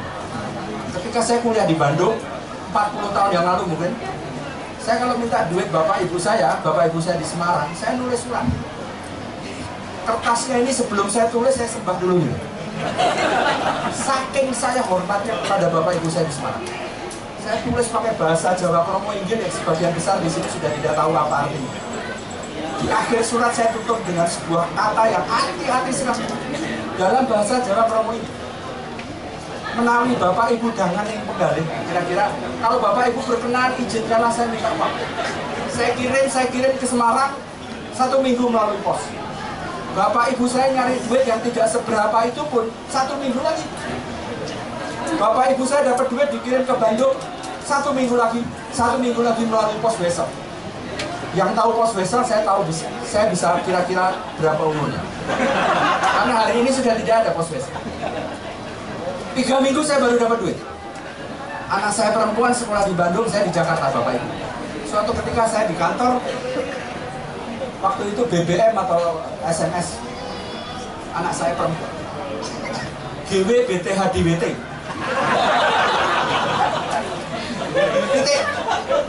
CPT ya. Habis habis CPT ya tanda serunya 5 bayangkan begitu hormatnya saya sama bapak ibu saya 30-40 tahun yang lalu kemudian anak saya yang sama-sama kuliah jauh dari kota dari bapak ibunya mengirim sama-sama minta duit. Dengan dengan dengan dengan kalimat yang berbeda dengan cara yang berbeda. Saya dalam batin saya kurang ajar. Pasti kurang ajar. Bapaknya siapa dulu gitu? Saya diamkan tiga menit kemudian titit titit lagi. Keluar UDH BLM tanda tanyanya lima saya kemeropok ini kemeropok itu apa ya? marah mungkin saya telepon dia ini apa-apaan ini? Galak saya, saya punya duit, dia nggak punya duit. Ini apa-apaan ini? Iya, saya harus ikut praktikum, harus bayar uang ini. Terus kalau nggak ayah kirim kenapa? Ya aku ikut praktikumnya tahun depan. Plakam, plakam, plakam, plakam. Saya sudah mulai kalah. Kalau dia ikut praktikum tahun bela- depan berarti saya harus bayar 12 bulan kali sekian kali sekian. Saya jadi takut. Waktu kecil saya takut sama bapak saya, saya sudah dewasa, sudah punya uang, saya takut sama anak saya. Saya ini beraninya kapan? Belum kalau kita cerita, saya cerita tentang istri saya. Tambah takut. Ini yang disebut oleh Pak Pak Ronald, aspek manusia dari teknologi ini memang bukan main. Saya harus siap menghadapi sebuah paradigma shifting, ya. shifting of paradigm begitu luar biasa. Ini cerita yang kedua. Yang ketiga, saya terpesona dengan bukunya Pak Ronald yang Disruption. Saya mencoba melamar Pak Ronald melalui Pak Renat mengenai untuk melamar jadi asisten beliau dengan tidak langsung, tapi rupanya ditolak. Akhirnya saya baca sendiri, saya baca ini dan saya pergi ke beberapa daerah Pak Renat, eh, Pak Renat di daerah-daerah di ke Medan, ke Sumatera Utara, ke Pangkal Pinang, ke, ke, ke Palangkaraya, minggu depan ke Pontianak untuk bicara mengenai disruption. Saya nggak tahu bener apa enggak, tapi tapi saya nggak peduli. Apa yang terjadi Pak Renat untuk masukan Pak Bapak guru-guru di daerah-daerah yang kecil di kota kecil nampaknya tahu lah apa yang saya maksud nampaknya tapi kemudian dia tanya Pak saya tahu lah sudah saya udah tahu nggak usah bapak panjang-panjangkan lagi tapi saya harus berbuat apa? Yayasan pendidikan sekolah-sekolah itu tidak punya tenaga ahli sehebat Pak Hajar terus dia harus berbuat apa? Padahal tadi dikatakan bahwa disruption itu syaratnya ada dua. Satu teknologi satu dua sumber daya manusia. Apakah kita mikirin mau mikirin uh, perusahaan-perusahaan yang seperti PP ini? Oke tapi bagaimana dengan jutaan atau puluhan juta orang-orang di daerah yang terkena disruption mungkin sekarang mereka sedikit tahu mengenai disruption tapi mereka tidak bisa berbuat apa-apa tadi dikatakan bahwa kampus akan ter, ter disrupt oleh kuliah jarak jauh dan sebagainya. Nggak usah nanti Pak, hari ini kampus sudah terdisrupt. Atau mungkin lima tahun yang lalu. 30 tahun yang lalu atau 40 tahun yang lalu saya lulus ITB bawa ijazah Pak Renal, itu seperti tiket masuk surga. Saya dapat ijazah ITB, jaminan bahwa masa depan saya bagus. Hari ini tidak ada. Anda boleh ITB, boleh UI, boleh Harvard, boleh mana pun juga tidak ada jaminan bahwa Anda akan mendapat jaminan masa depannya. Itu itu itu yang ketiga. Yang keempat kita bicara mengenai budaya inovatif. Inovasi itu hanya bisa lahir dalam sebuah masyarakat yang berbudaya inovatif. Dan celakanya banyak perusahaan di, di Indonesia ini yang budaya itu tidak ada atau sangat sangat tipis.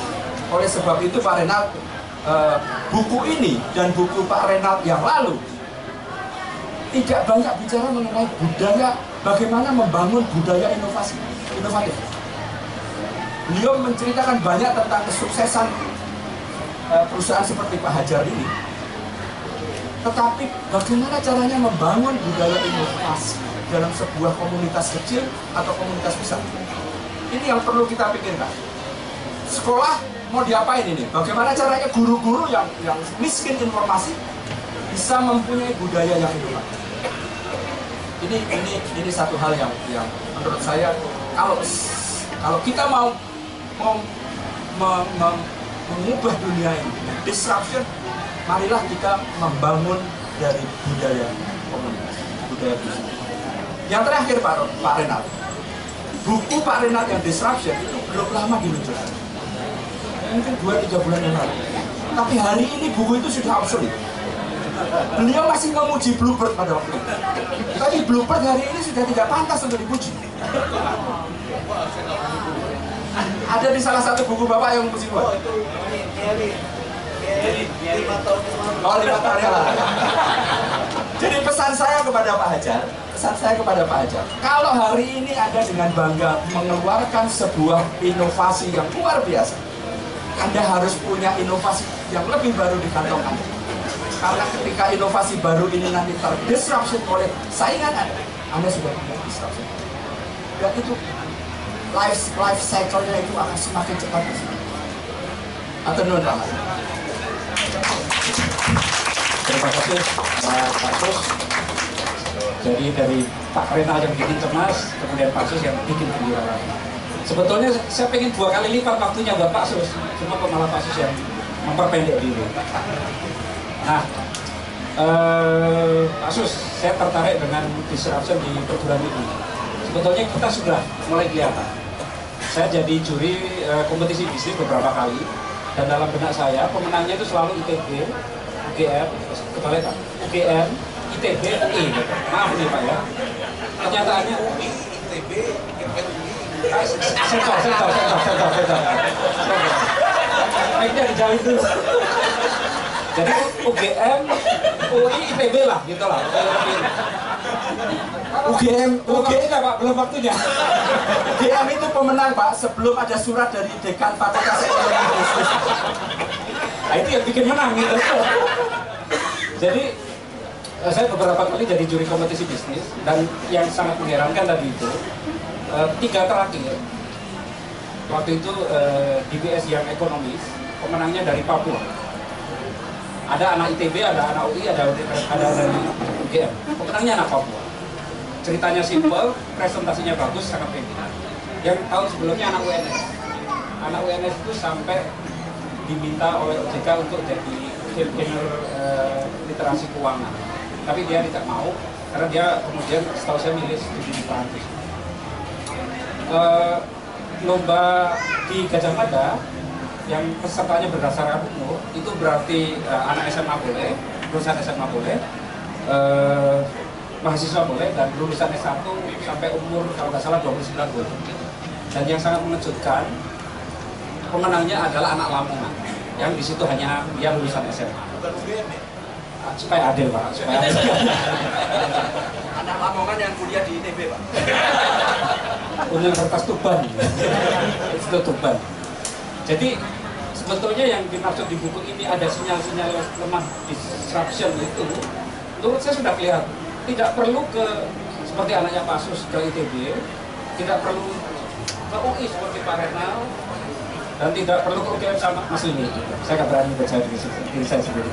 Sudah mulai terlihat dan bila teknologi sebentar lagi masuk untuk pembelajaran jarak jauh lebih eh, lebih handal ya. Selama ini memang sudah ada dan sepertinya eh, di beberapa daerah masih kesulitan, terutama kalau itu telekonferensi. Padahal pengajaran eh, via telekonferensi mungkin lebih bisa eh, apa namanya lebih bisa memahami materi-materi dibanding hanya di email soal-soal atau bahan-bahan kemudian suruh baca sendiri. Nah, eh, disruption saya kira instruksi aja sudah terjadi ya. Bagaimana dengan eh, apa namanya sektor-sektor lain? Saya kira antara eh, apa namanya hari ini atau besok gitu. Tidak ada lagi kata untuk menunggu waktu. Nah, untuk lebih lanjut membahas masalah ini silakan Bapak Ibu untuk eh, kita berdiskusi. Ada waktu eh, setengah jam. Tapi Bapak Ibu yang ingin sholat maghrib, kami persilahkan untuk langsung menuju lokasi yang di mana Pak? Sholat? Di sebelah kiri, ada. Jadi silakan untuk yang eh, sholat maghrib silakan eh, otomatis langsung saja. Nah, selanjutnya Bapak Ibu silakan untuk eh, bertanya atau juga sharing soal buku ini. Kami persilakan. Satu pasti milenial, Bapak maaf Pak, Pak Joko. Terus yang Z makanya. Terus satu lagi, Ibu, ya silakan.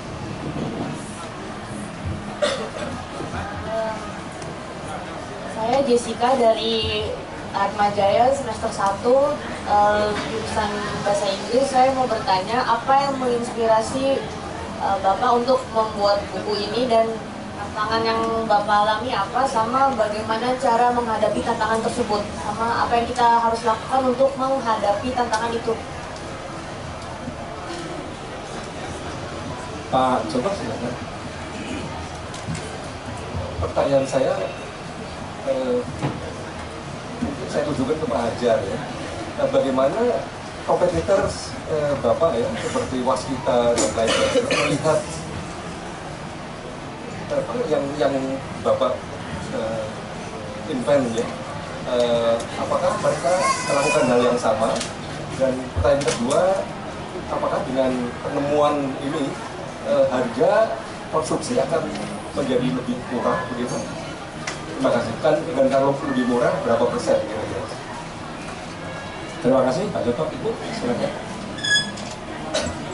sore, nama saya Maria. Saya tertarik sekali dengan pembicaraan Pak Sis mengenai uh, people ya. Uh, kita lihat ini trennya semakin cepat. Bagaimana mempersiapkan uh, agent of change untuk mempercepat uh, pembelajaran mengenai disrupsi di banyak tempat. Siapa yang bisa mengepalai agent of change di banyak tempat sehingga kita melihat potensi di Indonesia yang besar ini orangnya belajar lebih cepat lagi pertanyaan saya Pak. Terima kasih. Eh, Pak Renat silakan. Ini terutama yang pertama ya Pak ya. Juga eh, silakan Pak untuk mengomentari eh, dua penanya lain. Saya kira masih ada kaitan. Silakan Pak. Eh, fisika ya. semester 1 mulai ini masa depan ya kita semua bagian besar adalah masa lalu sih the past, the present, and the future itu di buku ada tulisan itu ya Eh, saya masa lalu saya 37 tahun ya 37 tahun why saya mulai kuliah tahun 80 berarti I have 37 years ya, sejak saya menjadi manusia dewasa ngambil keputusan seperti, Jessica. Jessica, kamu punya cuma satu semester, the best. Ya, but you have another 40 years in the future. Masalahnya kita yang punya PES ini 37 tahun, masuk jangan-jangan udah 40 tahun. Ya. Lebih ya. Ya, future-nya tinggal berapa bulan gitu kan. Habis kita future-nya ya. Dulu kita boleh bawa masa lalu ke hari esok. Sekarang terputus. Terputus. Kecuali wisdom. Ya, kecuali the good thing. Ya, legacy. Ya. Makanya saya suka sakit kepala sekarang. Banyak orang yang nggak bisa bedakan antara reality dengan hoax itu banyak sekali loh. Ya, dan banyak orang-orang pintar sekarang kebawa sama hal kecil sehingga akhirnya tidak bisa melihat keindahan sesuatu gitu pada manusia gitu. Yang jelek cuma jeleknya aja. Saya senang sih dibantu Masus ya. Tiba-tiba dia ke bandara dia lihat ada orang baik gitu kan. Selama ini saya cuma diberitakan orang jahat semuanya gitu ya. Tapi kalau anda selalu otaknya seperti itu Jessica, anda nggak bisa lihat masa depan. Ya, Eh, orang yang melihat selalu jelek terus kan sekarang ada tuh spesialis nyinyiris ya. Spesialis nyinyiris apa juga? Presiden Jokowi ngundang banyak orang dinyinyirin ya kan? Apa hubungannya itu semua? Saya nggak tahu ya. So orang seperti itu kan tidak bisa melihat terangnya matahari di balik awan yang gelap. Dia cuma lihat awan yang gelap. Nah pers ya. Nah maka kalau ditanya inspirasinya dari mana buat orang tua kayak begini guys ya, ini udah numpuk-numpuk sih segala macam masuk ya. Karena pengalaman kita hari ini ketemu Pak Hajar ya. Sorenya ketemu sama orang lain lagi ketemu sama Pak Yudo. Malamnya ketemu sama Pak Marioto. Besok paginya sudah turun ke pasar Pringharjo ya. Siangnya lagi ketemu siapa. Segala macam kita ketemu orang. Ini ini proses yang membentuk intuisi kita ya. Membentuk intuisi kita. Karena kita berinteraksi dengan banyak orang kita melihat realita. Karena kita membuka mata kita kita tahu apa yang terjadi di bawah. Kalau Jessica duduk di belakang meja dan hanya mempunyai kemampuan bekerja dengan kertas Jessica tidak tahu apa yang terjadi di luar. Inspirasi itu dapat dari gerakan atas bawah di mana kita baca secara helikopter kita turun ke bawah menjadi cacing. Tinggal bersama dengan tanah hidup kita mengotori tangan kita ya terus kemudian kita men mencium apa yang terjadi di situ. Ketika misalnya Don Tapscott mengatakan akan terjadi molekul molekul sasi gitu ya molekulisasi nah, apakah itu betul terjadi gitu? Ya ketika kita turun ke bawah misalnya gini saya hobinya dipijat pijat bener nih. Ya bener. Ini yang ketawa orang tua ya sih kamu nggak ketawa. Karena orang tua ini bisa membedakan pijat bener sama yang nggak bener maksud saya gini kalau pijat bener tuh ya sih orangnya ngerti anatomi dicari otot kita yang keras itu dibikin lembut ya. Nah kalau nah itu ada yang pinter tuh. Ada yang pinter tuh ya. Pengalaman katanya masa lalu ya. Itu dicari yang lembut dibikin jadi keras gitu loh yes ya. Kamu nggak usah pikirin deh kayak gitu ya. Pokoknya itu ada orang-orang yang saya tukang pijat saya langganan. Saya sering ngobrol sama tukang pijat saya.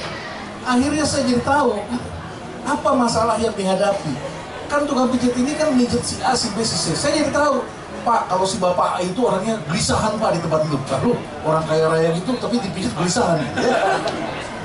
Saya kan jadi mikir kenapa dia gelisah. Terus pada waktu saya saya stretching di bawah pohon, di bawah pohon tuh saya stretching, ya di Bandara Soekarno Hatta itu di pinggir lapangan golf ada tempat stretching. Nah di sana itu banyak KD cantik-cantik yang godain orang-orang Korea. Tipsnya 400 ribu kalau ngasih tips ya. Nah saya ngasih tips sama tukang stretching saya 100 ribu itu udah pakai cium tangan. Mereka pakai cium tangan kasih 100 ribu ya.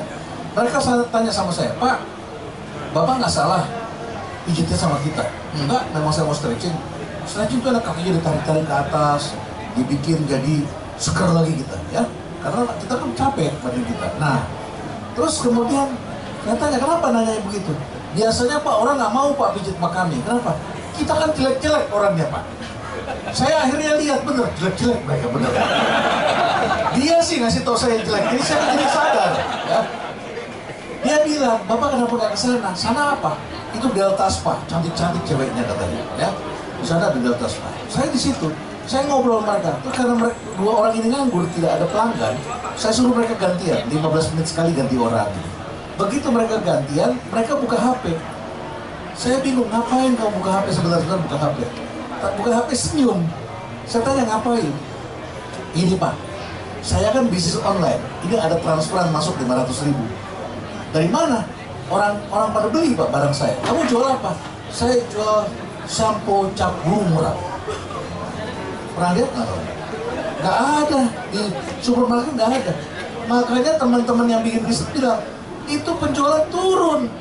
Ya, Terus saya bilang, lo nggak tahu shampoo aja udah bisa dibikin skala rumah tangga dan skala rumah tangga itu skala ekonomis udah masuk dulu nggak masuk karena sekarang distribusi murah gitu ya nggak perlu lagi taruh di supermarket langsung sana. Nah dia dengan senyum cerita seperti itu bikin sabun hijau dan sebagainya.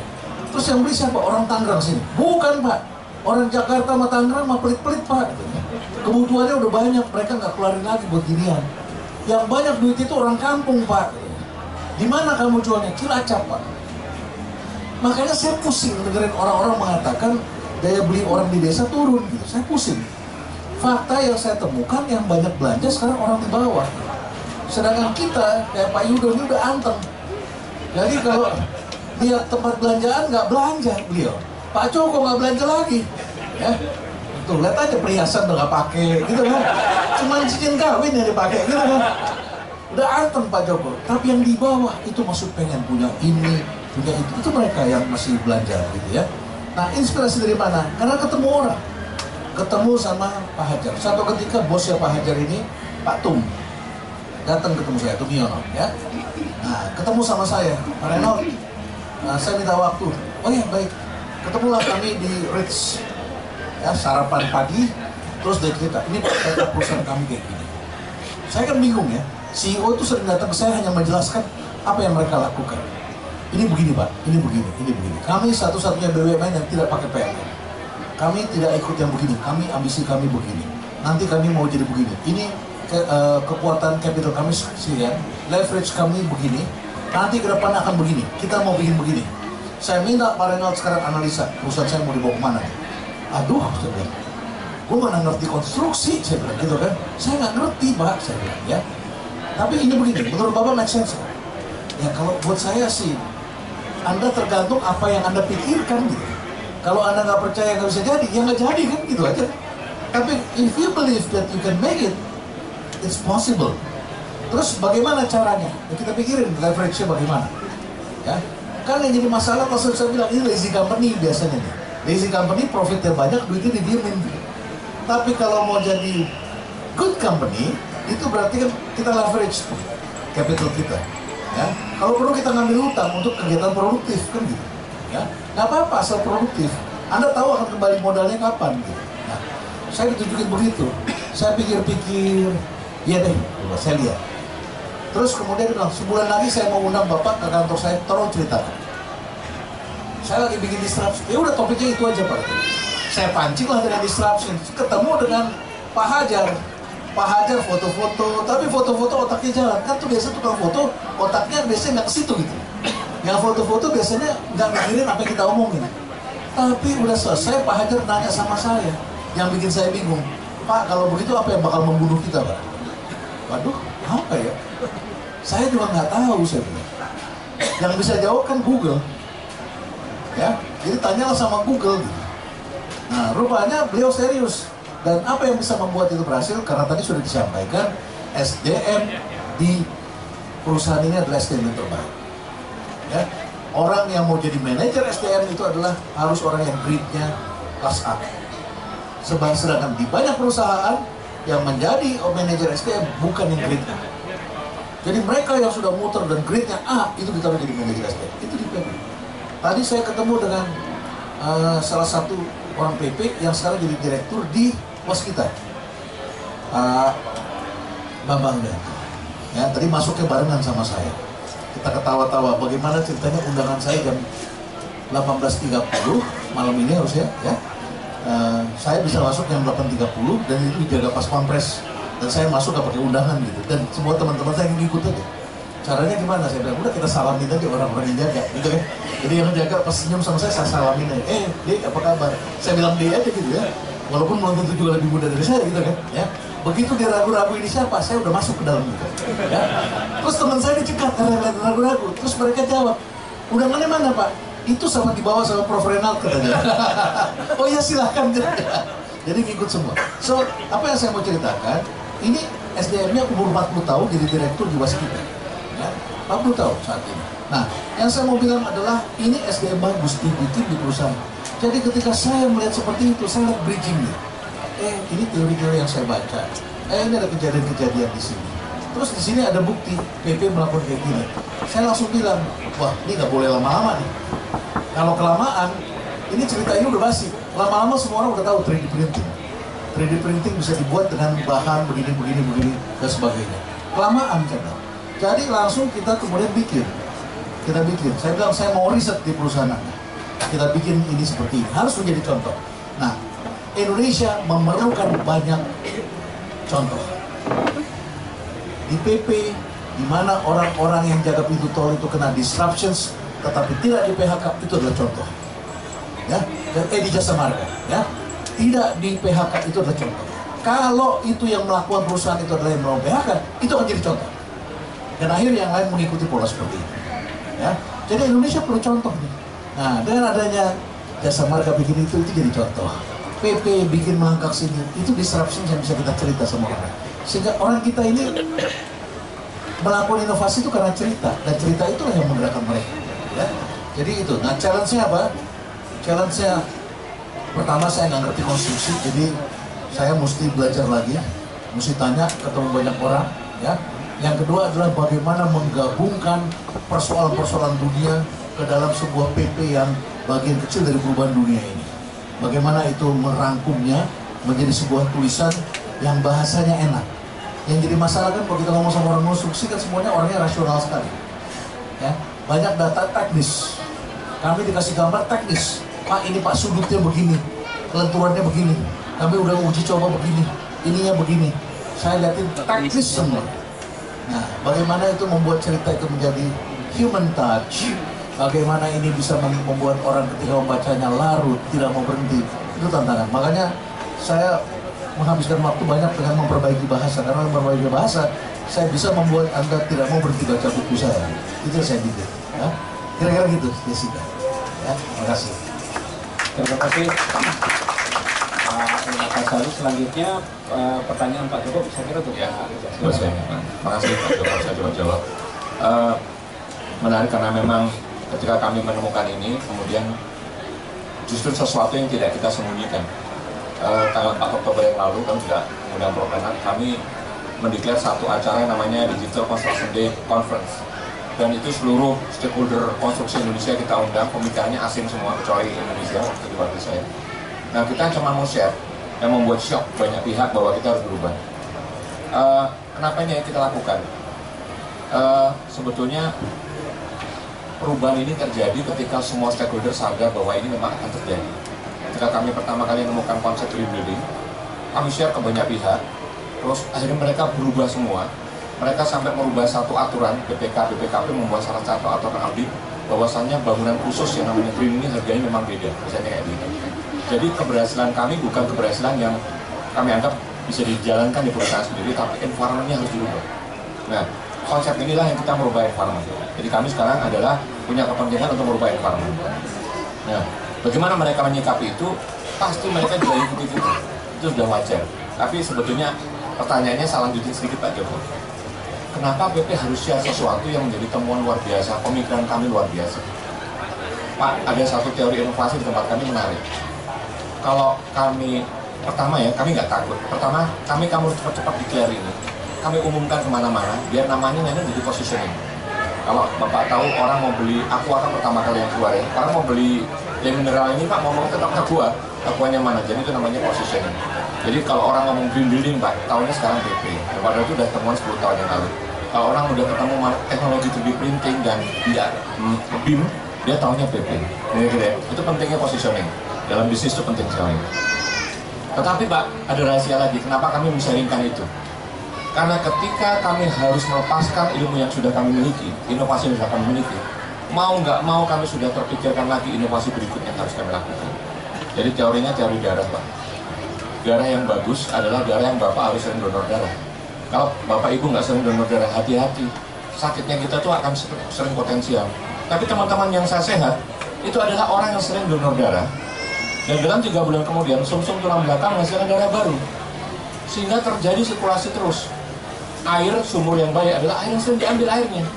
Dan kami punya inovasi memang kami buang cepat-cepat keluar supaya lahir inovasi baru. Jadi itulah ide kenapa kami melahirkan itu. Selain kami mau jadi positioning juga. Dan biarlah dunia ini berubah karena memang nggak bisa direm. Orang bisa tahu lewat kami atau lewat orang lain. Daripada lewat orang lain mungkin tahu lewat saya. Kira-kira begitu. Nah ini jadi strategi seperti itu. Nah apa dampaknya buat dunia konstruksi pak oh luar biasa pak dengan cara seperti ini pak efisiensinya luar biasa bapak bayangkan tadi ada bangunan dua minggu, tiga minggu dikerjakan satu hari. Overheadnya kan hilang kan. Tantangan kami cuma satu pak, biasa. Ketika alat ini pertama kali ditemukan, biayanya mahal. Ya kan? Ini kan namanya disruptive innovation. Kamu pertama kali sesuatu yang susah. Tetapi lama-lama, sustaining itu pak. Jadi lama-lama temuan-temuan seperti ini biayanya murah. Seperti kamera lah pak, dulu pertama kali biayanya berapa itu? Lama-lama sekarang kamera pun murah sekali. Smartphone pertama kali keluar berapa? Lama-lama murah sekali. Itu kan sustainable innovation ya. Kalian percaya, percaya Pak, kalau sekarang ini diterapkan secara pure, orang akan melihat masih 50-50 Pak. Secara oke okay lah overhead kita untung, tetapi alatnya kita mahal. Pak Bapak nanya alatnya berapa mahal, harganya 3 miliar Pak. Alatnya 3 miliar. Dan tidak bisa kami miliki. Jadi inilah hebatnya anak-anak. Ini Pak, ini startup company. Pak, saya nggak punya uang, dia bilang gitu. Waktu kita telekonferensi, saya nggak punya uang. Terus gimana sama Bapak harus invest? Oke, saya invest. Berapa investnya? Kira-kira 3 miliar dalam dalam rupiah. Oke, berarti alatnya punya saya. Bukan Pak, Bapak sewa dari saya. Jadi saya harus invest sesuatu yang saya sewa, uangnya untuk invest yang mereka. Dan saya mau Pak, gobloknya. Tetapi kenapa? Yang karena kita ambil bukan itunya Pak, teknologinya. Kami begitu barang itu sampai ke sini Pak, kami sudah buat tim Pak di sini. Bahwa nanti habis itu, yang kami perlukan bukan untuk bangun satu rumah Pak. High building. Bapak kebayang nggak ada bangunan tinggi itu nggak ada orangnya, cuma ada mesin printer aja gitu. Itu mimpi kami ke depan. Jadi kita sudah mikir ke situ. Nah, jadi Bapak bisa bayangkan kalau tadi dikatakan tidak semua uh, apa masyarakat perusahaan kecil punya cara orang berpikir seperti saya loh. Pak, disruptornya itu bukan PP loh Pak. Disruptornya itu anak-anak kecil itu loh Pak. Yang menemukan alat ini. Menurut mereka loh. Coba Ahmad Zaki dengan Nugroho berdua buat buka lapak Pak. Itu yang hancurin mau-mau sekarang. Jadi generasi sekarang ini yang sebetulnya kita nggak bisa pegang cara berpikirnya. Makanya Jeff Bezos kan bilang gini, yang CEO-nya? Amazon bilang gini, saya nggak takut sama perusahaan-perusahaan kompetitor itu yang besar-besar nggak takut. Yang saya takut, yang saya takutin ada dua anak di garasi, mutak-mutik sesuatu, membuat 40 ribu karyawan saya nganggur. Udah bener kan Pak, saya dikalahkan sama perusahaan umur 6 bulan ini. Cuman bedanya kita adaptif, cepet-cepet. Kamu saya jadikan bagian dari saya, kira-kira gitu. Tetapi sebetulnya yang kita sekarang curigai Pak, sebetulnya anak-anak muda yang nggak jelas ini loh Pak. Saya kemarin barusan, ini saya sedikit lebar, barusan uh, teman saya satu kantor minta tolong saya nge-coach, coach, coach anak saya Jerman. Dia udah nggak mau kerja di pemerintah, dia nggak mau kerja di BUMN, dia nggak mau kerja di swasta. Dia mau kerja buat dirinya sendiri. Apa itu startup company? Uh, gila kan? Jadi saya minta nasihatin dia supaya dia anak itu waktu saya ngobrol sama anaknya, memang luar biasa cara pemikiran. Dia akan melakukan terobosan-terobosan, saya nggak habis mikir sampai ke situ. Saya bilang ini orang tuanya yang kampungan, iya kan? Berarti ini orang tuanya harus di coach, bukan anaknya yang di coach kan kira-kira gitu. Nah artinya apa pak? Yang seperti itulah sebetulnya yang terjadi. Jadi kalau kami dikatakan tadi menggarisbawahi eh, kenapa kami harus melakukan seperti ini, memang karena disruptornya udah ada di mana-mana dan mereka mengambil skala menengah pak, skala menengah dan kecil lagi main marketnya di situ. Dan kita harus bisa berkolaborasi dengan mereka seperti halnya sekarang Bluebird yang mau tidak mau berkolaborasi dengan taksi online. Mau tidak mau loh pak, mau tidak mau. Jadi itu yang kita lakukan. Jadi kalau ditanya persentase murahnya pak, memang kalau sekarang diukur persentase murahnya tidak terlalu besar karena untuk invest alatnya gede banget. Tapi one day ketika ini kan jadi sustain innovation menjadikan alat itu makin besar menjadikan alat itu makin murah. Itu hanya masalah hitungan waktu pak. Setahun dua tahun tiga tahun. Cepat sekali kalau sustain innovation ya. Mungkin dalam lima tahun lagi alat kayak begini udah pasaran pak. Nah yang nggak siap orang berubahnya itu yang jadi masalah. Jadi one day menurut akan menjadi satu terobosan biaya yang sangat murah. Bapak nggak perlu orang. Nah satu bagian-bagian konstruksi yang banyak orang nggak tahu. Ada bagian yang namanya sering menjadi biaya mahal itu adalah namanya rework rework itu pekerjaan ulang salah-salah bapak ngedesain sesuatu nggak cocok dirubah dibongkar itu biayanya gede pak. Bisa sampai 5 sampai dengan 10 persen kalau memang selalu. Nah yang kayak gitu-gitu nggak terjadi pak. Karena bapak mau mau ngedesainnya pakai kacamata VR dilihat cocok bangunannya cocok. Terus kemudian reworknya nggak ada lagi kan? Karena bangunannya akurat semua tidak ada perbaikan. Itu yang 0 persen dan itu nilainya bisa sampai 5 sampai dengan 10 persen ini yang sekarang kelihatan di depan mata yang itu.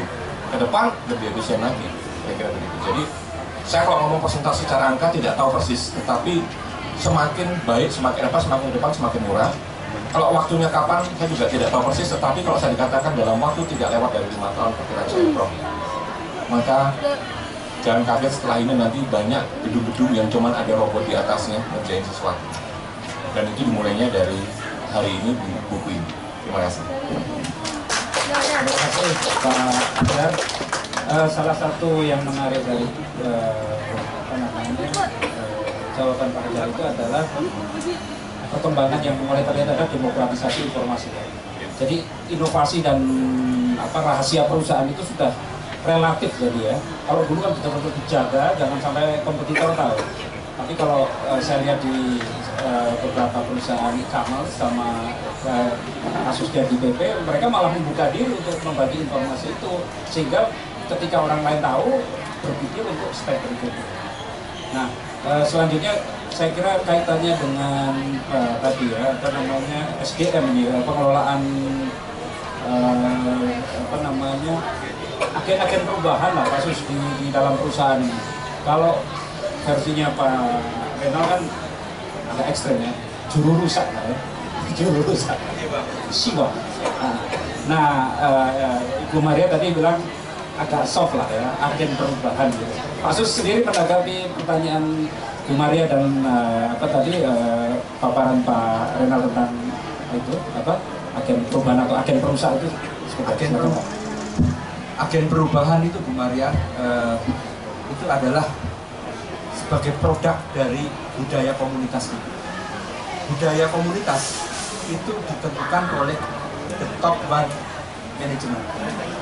Jadi kalau ibu hari ini menjadi orang nomor satu di perusahaan Anda, maka ibu lah menjadi the top agent of change. Caranya bagaimana? Caranya edukasi. Salah satu contoh ya, ya sore hari ini. Salah satu contoh lagi Pak Renat ketika datang ke TK.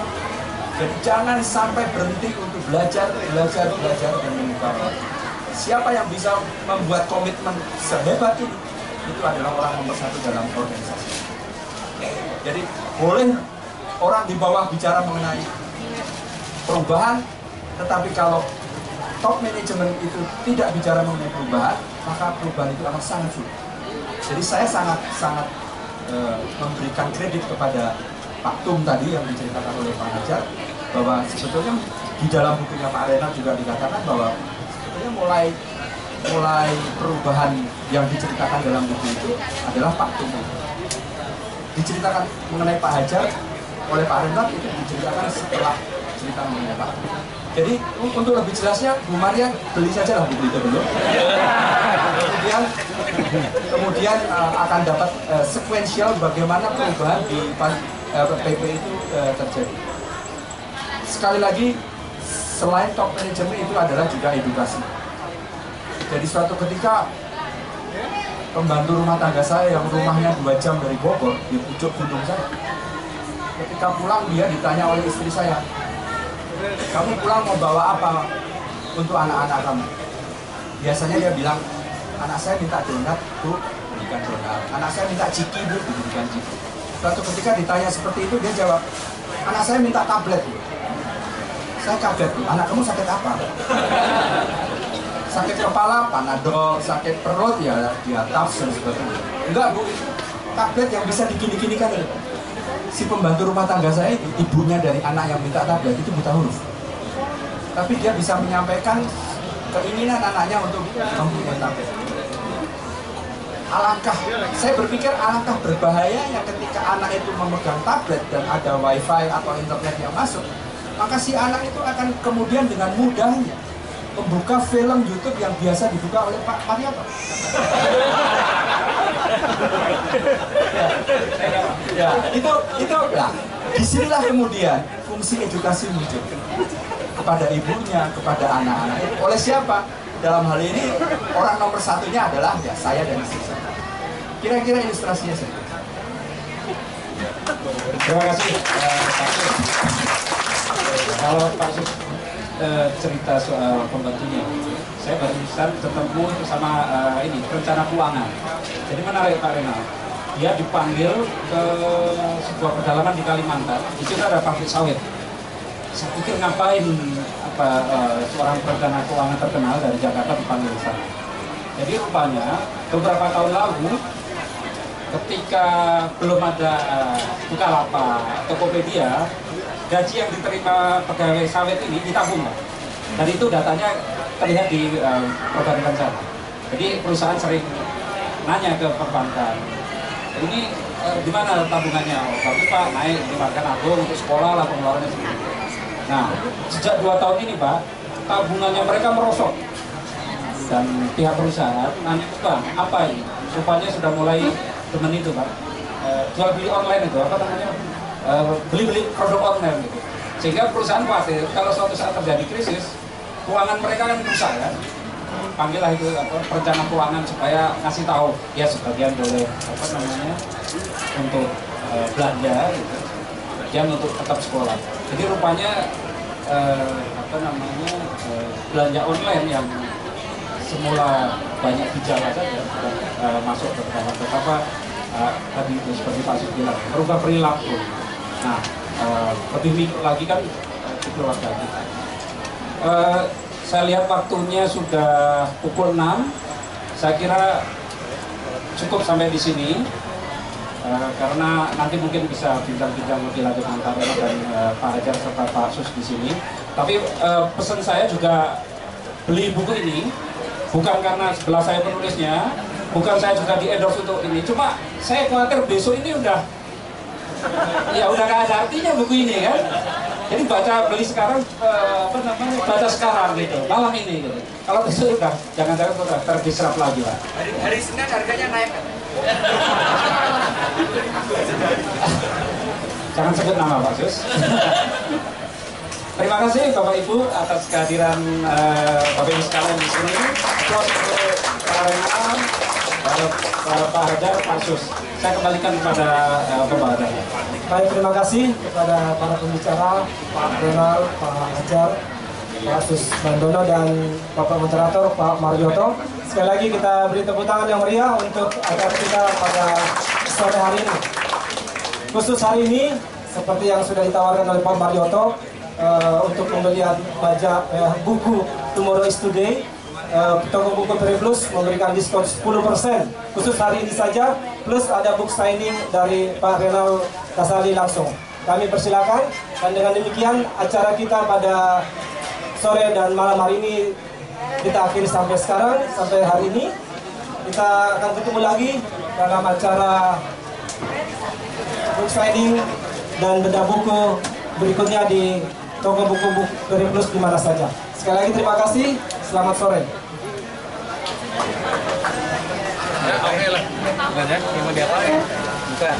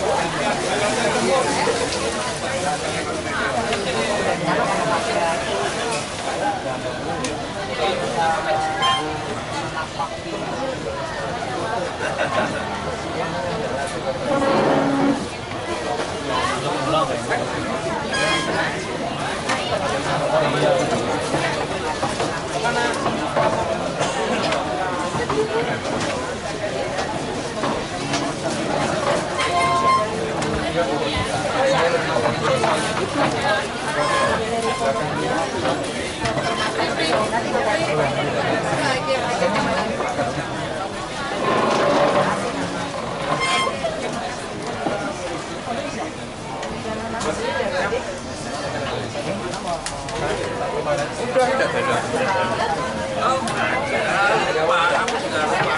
Oh,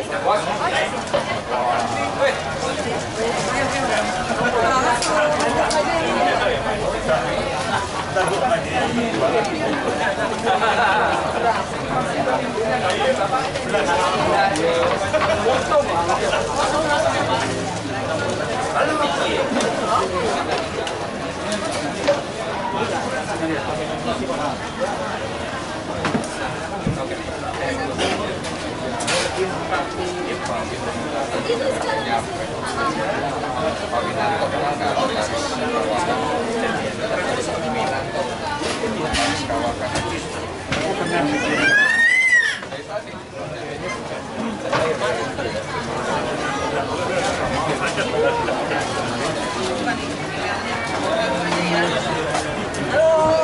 kalau.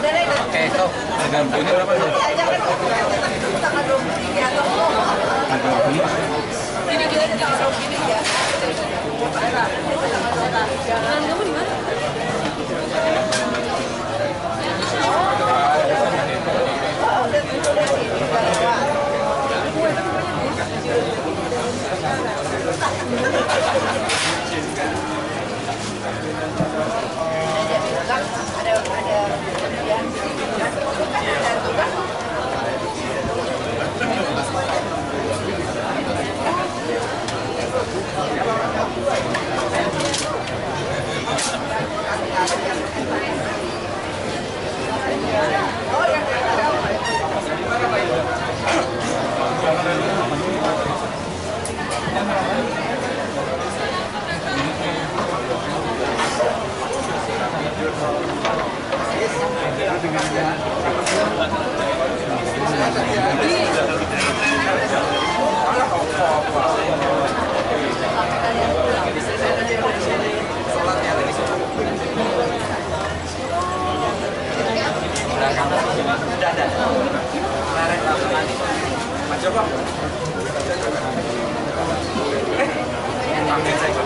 Izinkan saya minta waktu. Siapa yang tidak ada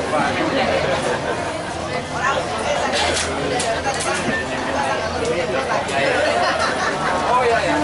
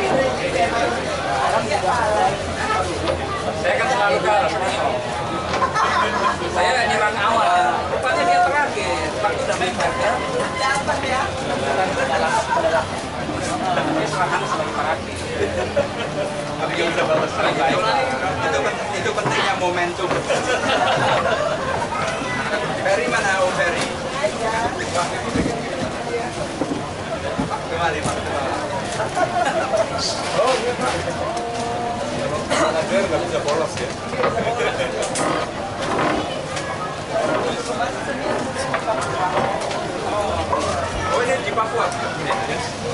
Silakan, silakan.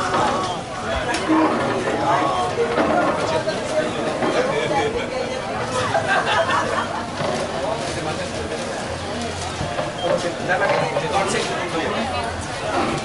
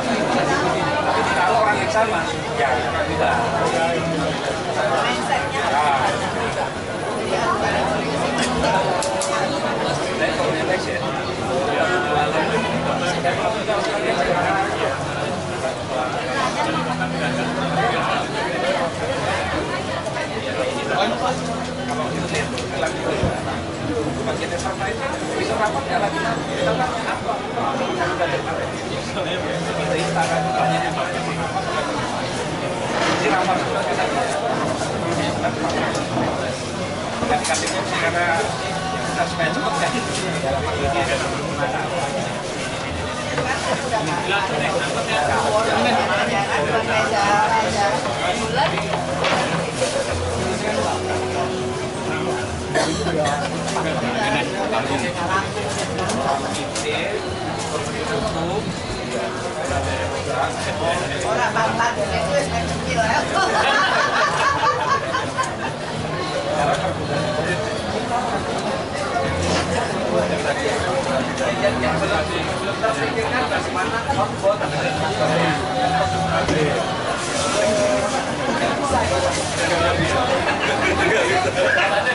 sedikit pakai Pokemon.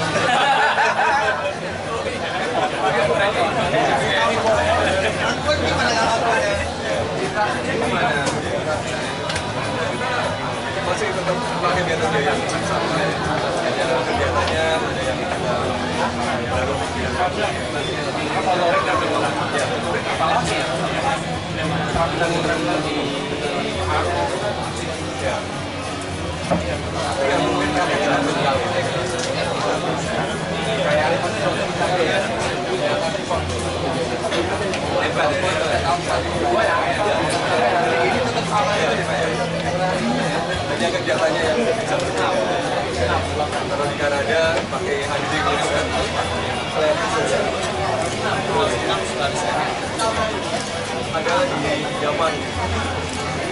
ada di Padang, Padang, Padang, Gurun itu.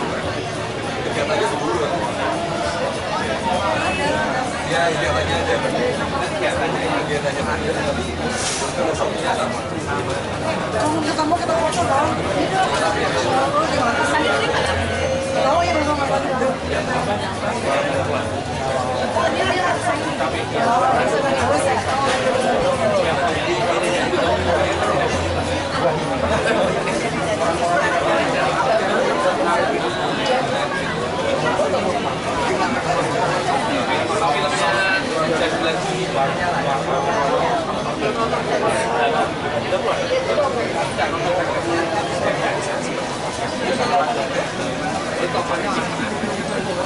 ya memang apa itu?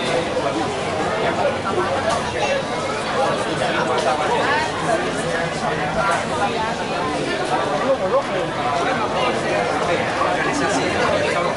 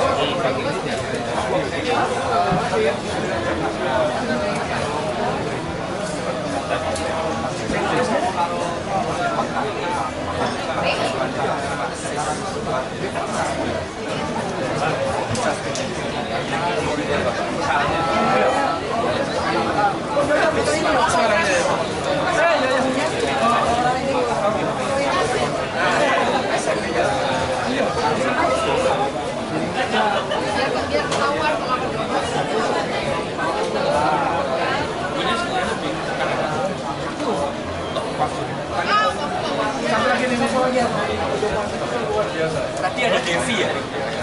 Ada. Oh ya? Ada di belakang ya? Mungkin lebih enak memang Iya. Emang dia mau datang. Ada. Ada di belakang. Kayak sama juga. Kami lewat di Kami lewat di Kami lewat di Ini bilang Ada agar-agar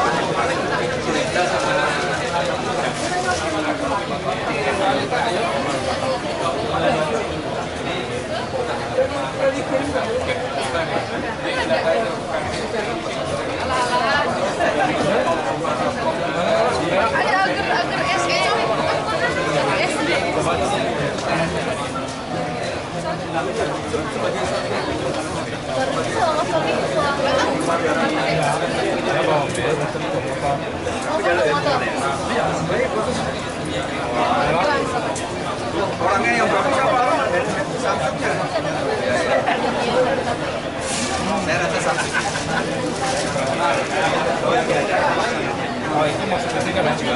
Ya kita lagi ngobrol. persen.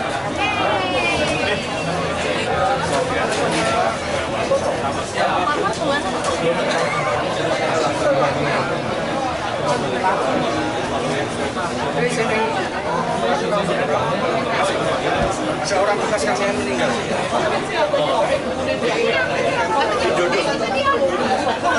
Iskar. MTB.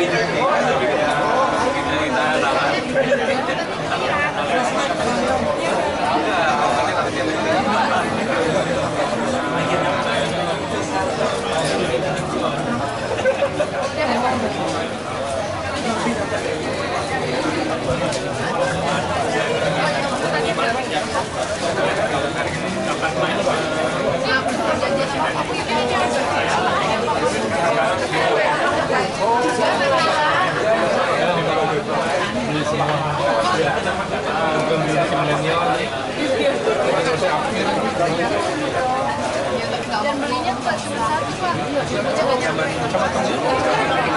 Ya,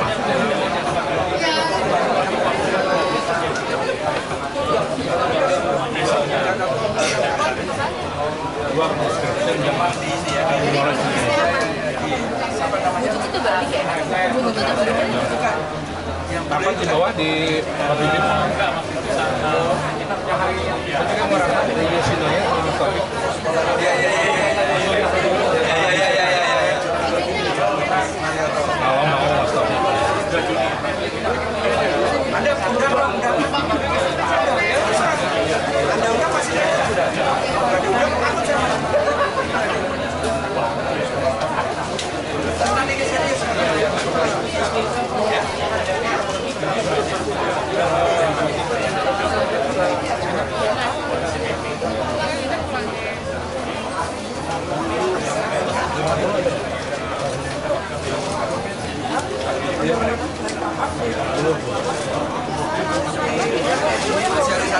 Oh,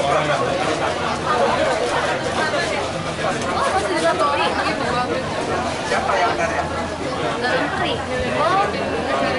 Ya, oh iya. nanti kalau ada acara ini,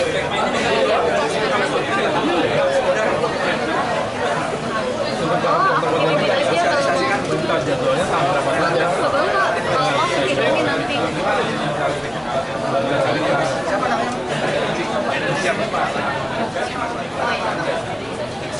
Jadi buat diuin, kan nggak jadi dipasang.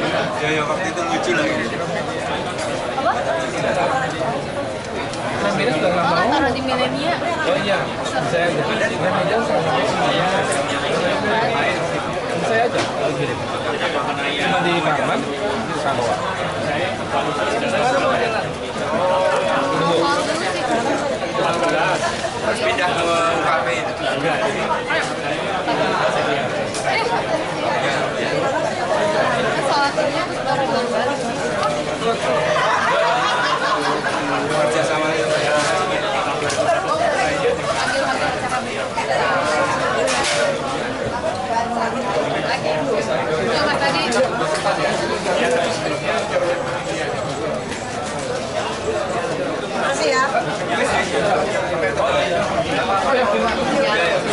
Oh, jangan tadi. Terima kasih guys. Gracias.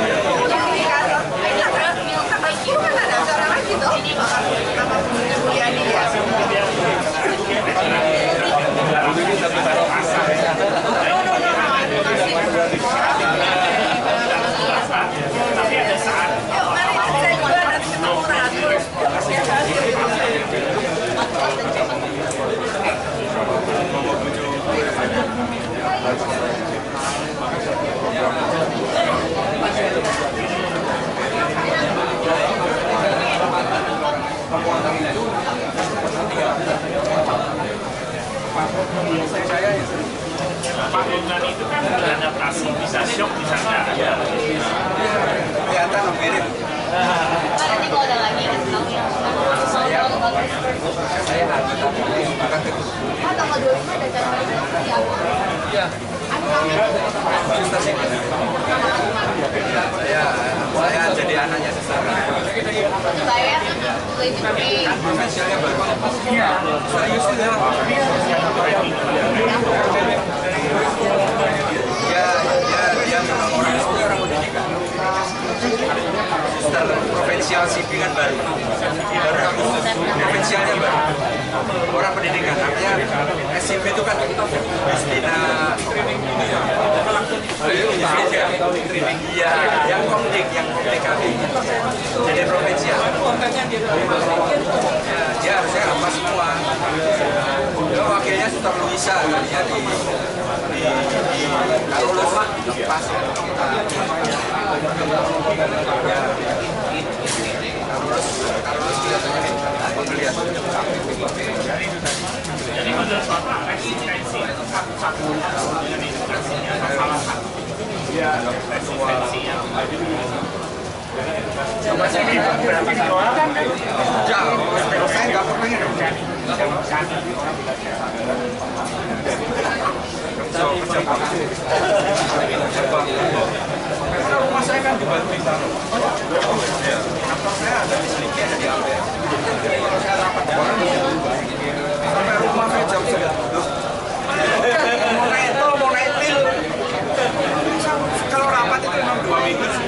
sekali.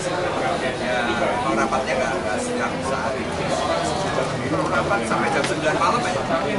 Rumah udah jam 11. Ya, lagi bisa di dia nggak tahu lah. Enggak lah, harusnya udah enggak. Iya, duitnya padahal nggak banyak. Iya, duitnya nggak banyak kok. Hilang. Ya, ya, ya. Bapak, I'm joining the 25th. I told you. Because it's full. I said I'm not coming. I will come on time.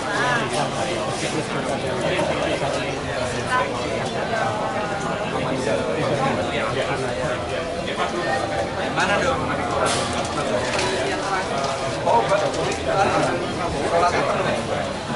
Itu soft. Karena itu inviting. Saya bilang kamu bisa saya enggak? Kalau bisa saya, sopirnya saya enggak. Wah, ini saya dari tadi repot nih bapak. Buku ini. Bukunya cuma satu. Dengan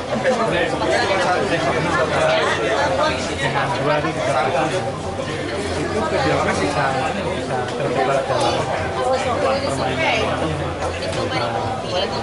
karena dengan kami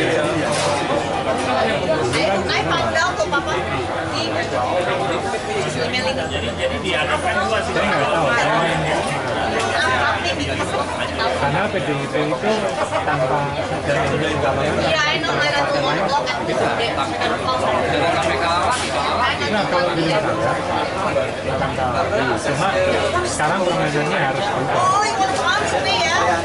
Karena gini, kalau dari Itali jadi bisa itu untuk Golkar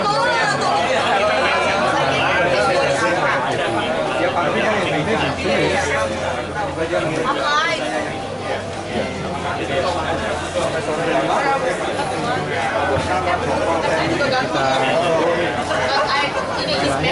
itu lima daerah yang kemarin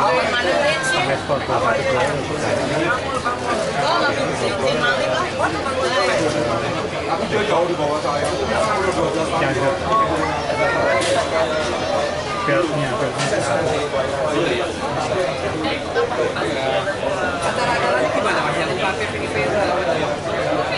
Sama macam-macam itu.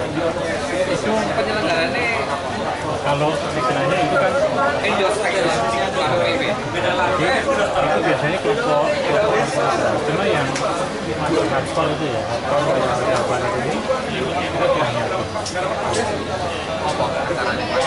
jadi saya kan tidak punya itu ya research eh, tahun kemarin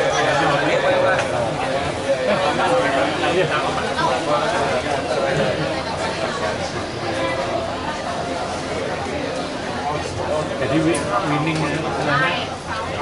winning segmen itu urban kuncinya ya bukan desa bukan kota itu urban Bu Yansi tadi juga di mana? Gantung ini. Iya. Tadi ada anak itu juga ya. Ita-ita itu sama diskusi soal itu Istri kamu mana tadi? Terima kasih juga. khusus untuk analisis untuk kalau dalam konteks SDM terserah ini belum apa white sheet aja white sheet aja diskusi kosongan aja Banyak yang belajar mau bikin ya gini loh saya kan pakai tangan itu bisa cuma gini Ayo dong. sekarang posisinya permainan kita itu Jadi nggak? nah sekarang kita cari cari tim yang enggak itu udah udah ya kita udah. Makanya kan kita cari ini white white swan ini Saya kan nggak apa-apa. Nggak apa-apa. Pokoknya saya dibuat dari makanya perspektif di apa dilempari. Oke oke itu nggak bisa di ini aja dilempari aja Franchise akan sendiri tahu. karena kita kan juga punya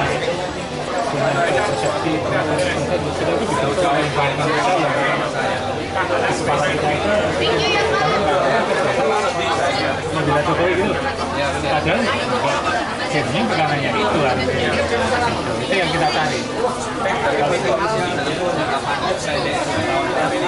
oh ya itu ini loh film saya menemukan ini saya juga baru tahu dari orang lain. Orang-orang yang mengatakan itu sensitif banget.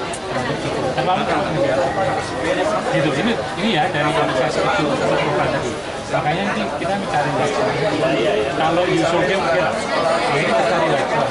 Makanya itu kan satu oh banyak kita jangan benar ribut di dalam kawasan ribut dulu ribut pertama tapi ini terlaksana nah itu white swan ya omongannya dia dia dia ngomong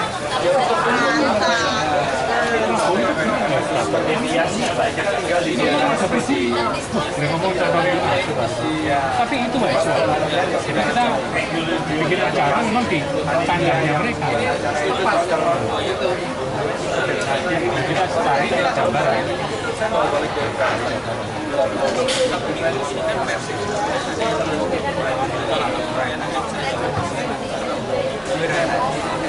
nanti gimana gitu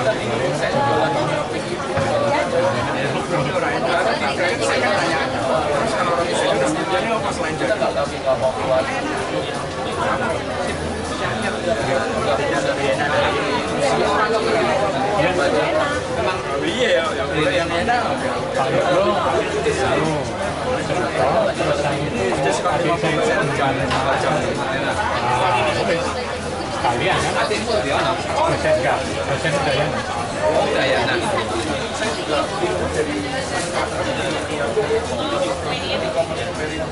Apa yang udah ya nak? adik saya Kalau calon kapan dia. Dulu waktu kuliah pas saya Udayana saya pikir saya suruh kuliah ke Udayana saya tidak tahu. Udah ya nak ya udah tidur di rumah suster udah ke mana-mana kamu. Mau gimana suster. Rumah saya sama dia. Jadi keliling-keliling ini keliling sekolah Katolik. sekolah gara-gara gara Jogja itu jadi Romo Kuntoro itu. Terus kan ada ada konflik-konflik kesukupan yang terakhir ini Romo Klein nah, Romo Klein itu dari dari dari Atmi Pak. Solo Wati. Jadi ada perhimpunan apalah akademi teknik katolik itu ada kongres di Pontianak yang minggu depan. Saya lakukan gara-gara Pak Ferry Mas Lili. ya dua-duanya. Ketuanya kan Pak Pak Ferry. Oh, people Oh iya iya. Bagaimana? Apa pendapat kamu? Bikin hati. Oh, modelnya Pak kemarin itu. Pak Hidayat. Hidayat sama. Hidayat yang punya perusahaan IT. Apa Hidayat? Hidayat itu perusahaan IT. Ya untuk pemikirannya dia untuk beberapa sekolah bisa. Sudah mulai ada bang? Yang itu sudah ada. Juga lah. Cari pasalnya sudah nggak perlu lagi. Drastis. mulai tahun Agustus 2018 gaji guru dan karyawan bukan gaji guru dan karyawan mendapat insentif sebesar gaji materi gaji jadi kalau gaji kamu sekarang sejuta dan eh, Agustus 2018 kamu dapat insentif. Dua kali. Beda beda saya saya harus saja kalau soal jam dia belanja sih pasti nggak karena nggak punya duit ya. Kalau beli roti masih itu dipegangin. Kalau roti saya Tapi kalau dia masih belanja enggak pasti enggak kalau di mall saya gandeng bu saya gandeng tuh kamu sayang banget sama istri supaya dia lari-lari Itu istri tahu. Bapak komentar gitu tahu. Tahu lah. Hafal. Hafal. Udah hafal kok semuanya. Saya barusan wedding anniversary. Kapan? Bulan yang lalu. Bangun pagi. Iya pak. Wedding anniversary. Yang keberapa ya? 30. Iya. Saya pikir udah 320 tahun. Iya. Dari bang jam setengah lima pagi. Wah, sama 32 tahun, Bu. Kayak kelihatan, orang Jawa ya. Jadi begitu melek ini, Bu, kan itu 32 kali 365 hari. Bayangin ya. Berapa ya, Pak? Hitung aja susah itu, 32 kali 365. Ah. Mau tidur juga gitu kan Ah. Mas Lili paling 10 tahun lah. Ya, ya. Lebih, lebih, lebih. Ya, 12. 13. Lebih ya, berapa ya? 13. 13? 14. 14. 14 ya? 32 kali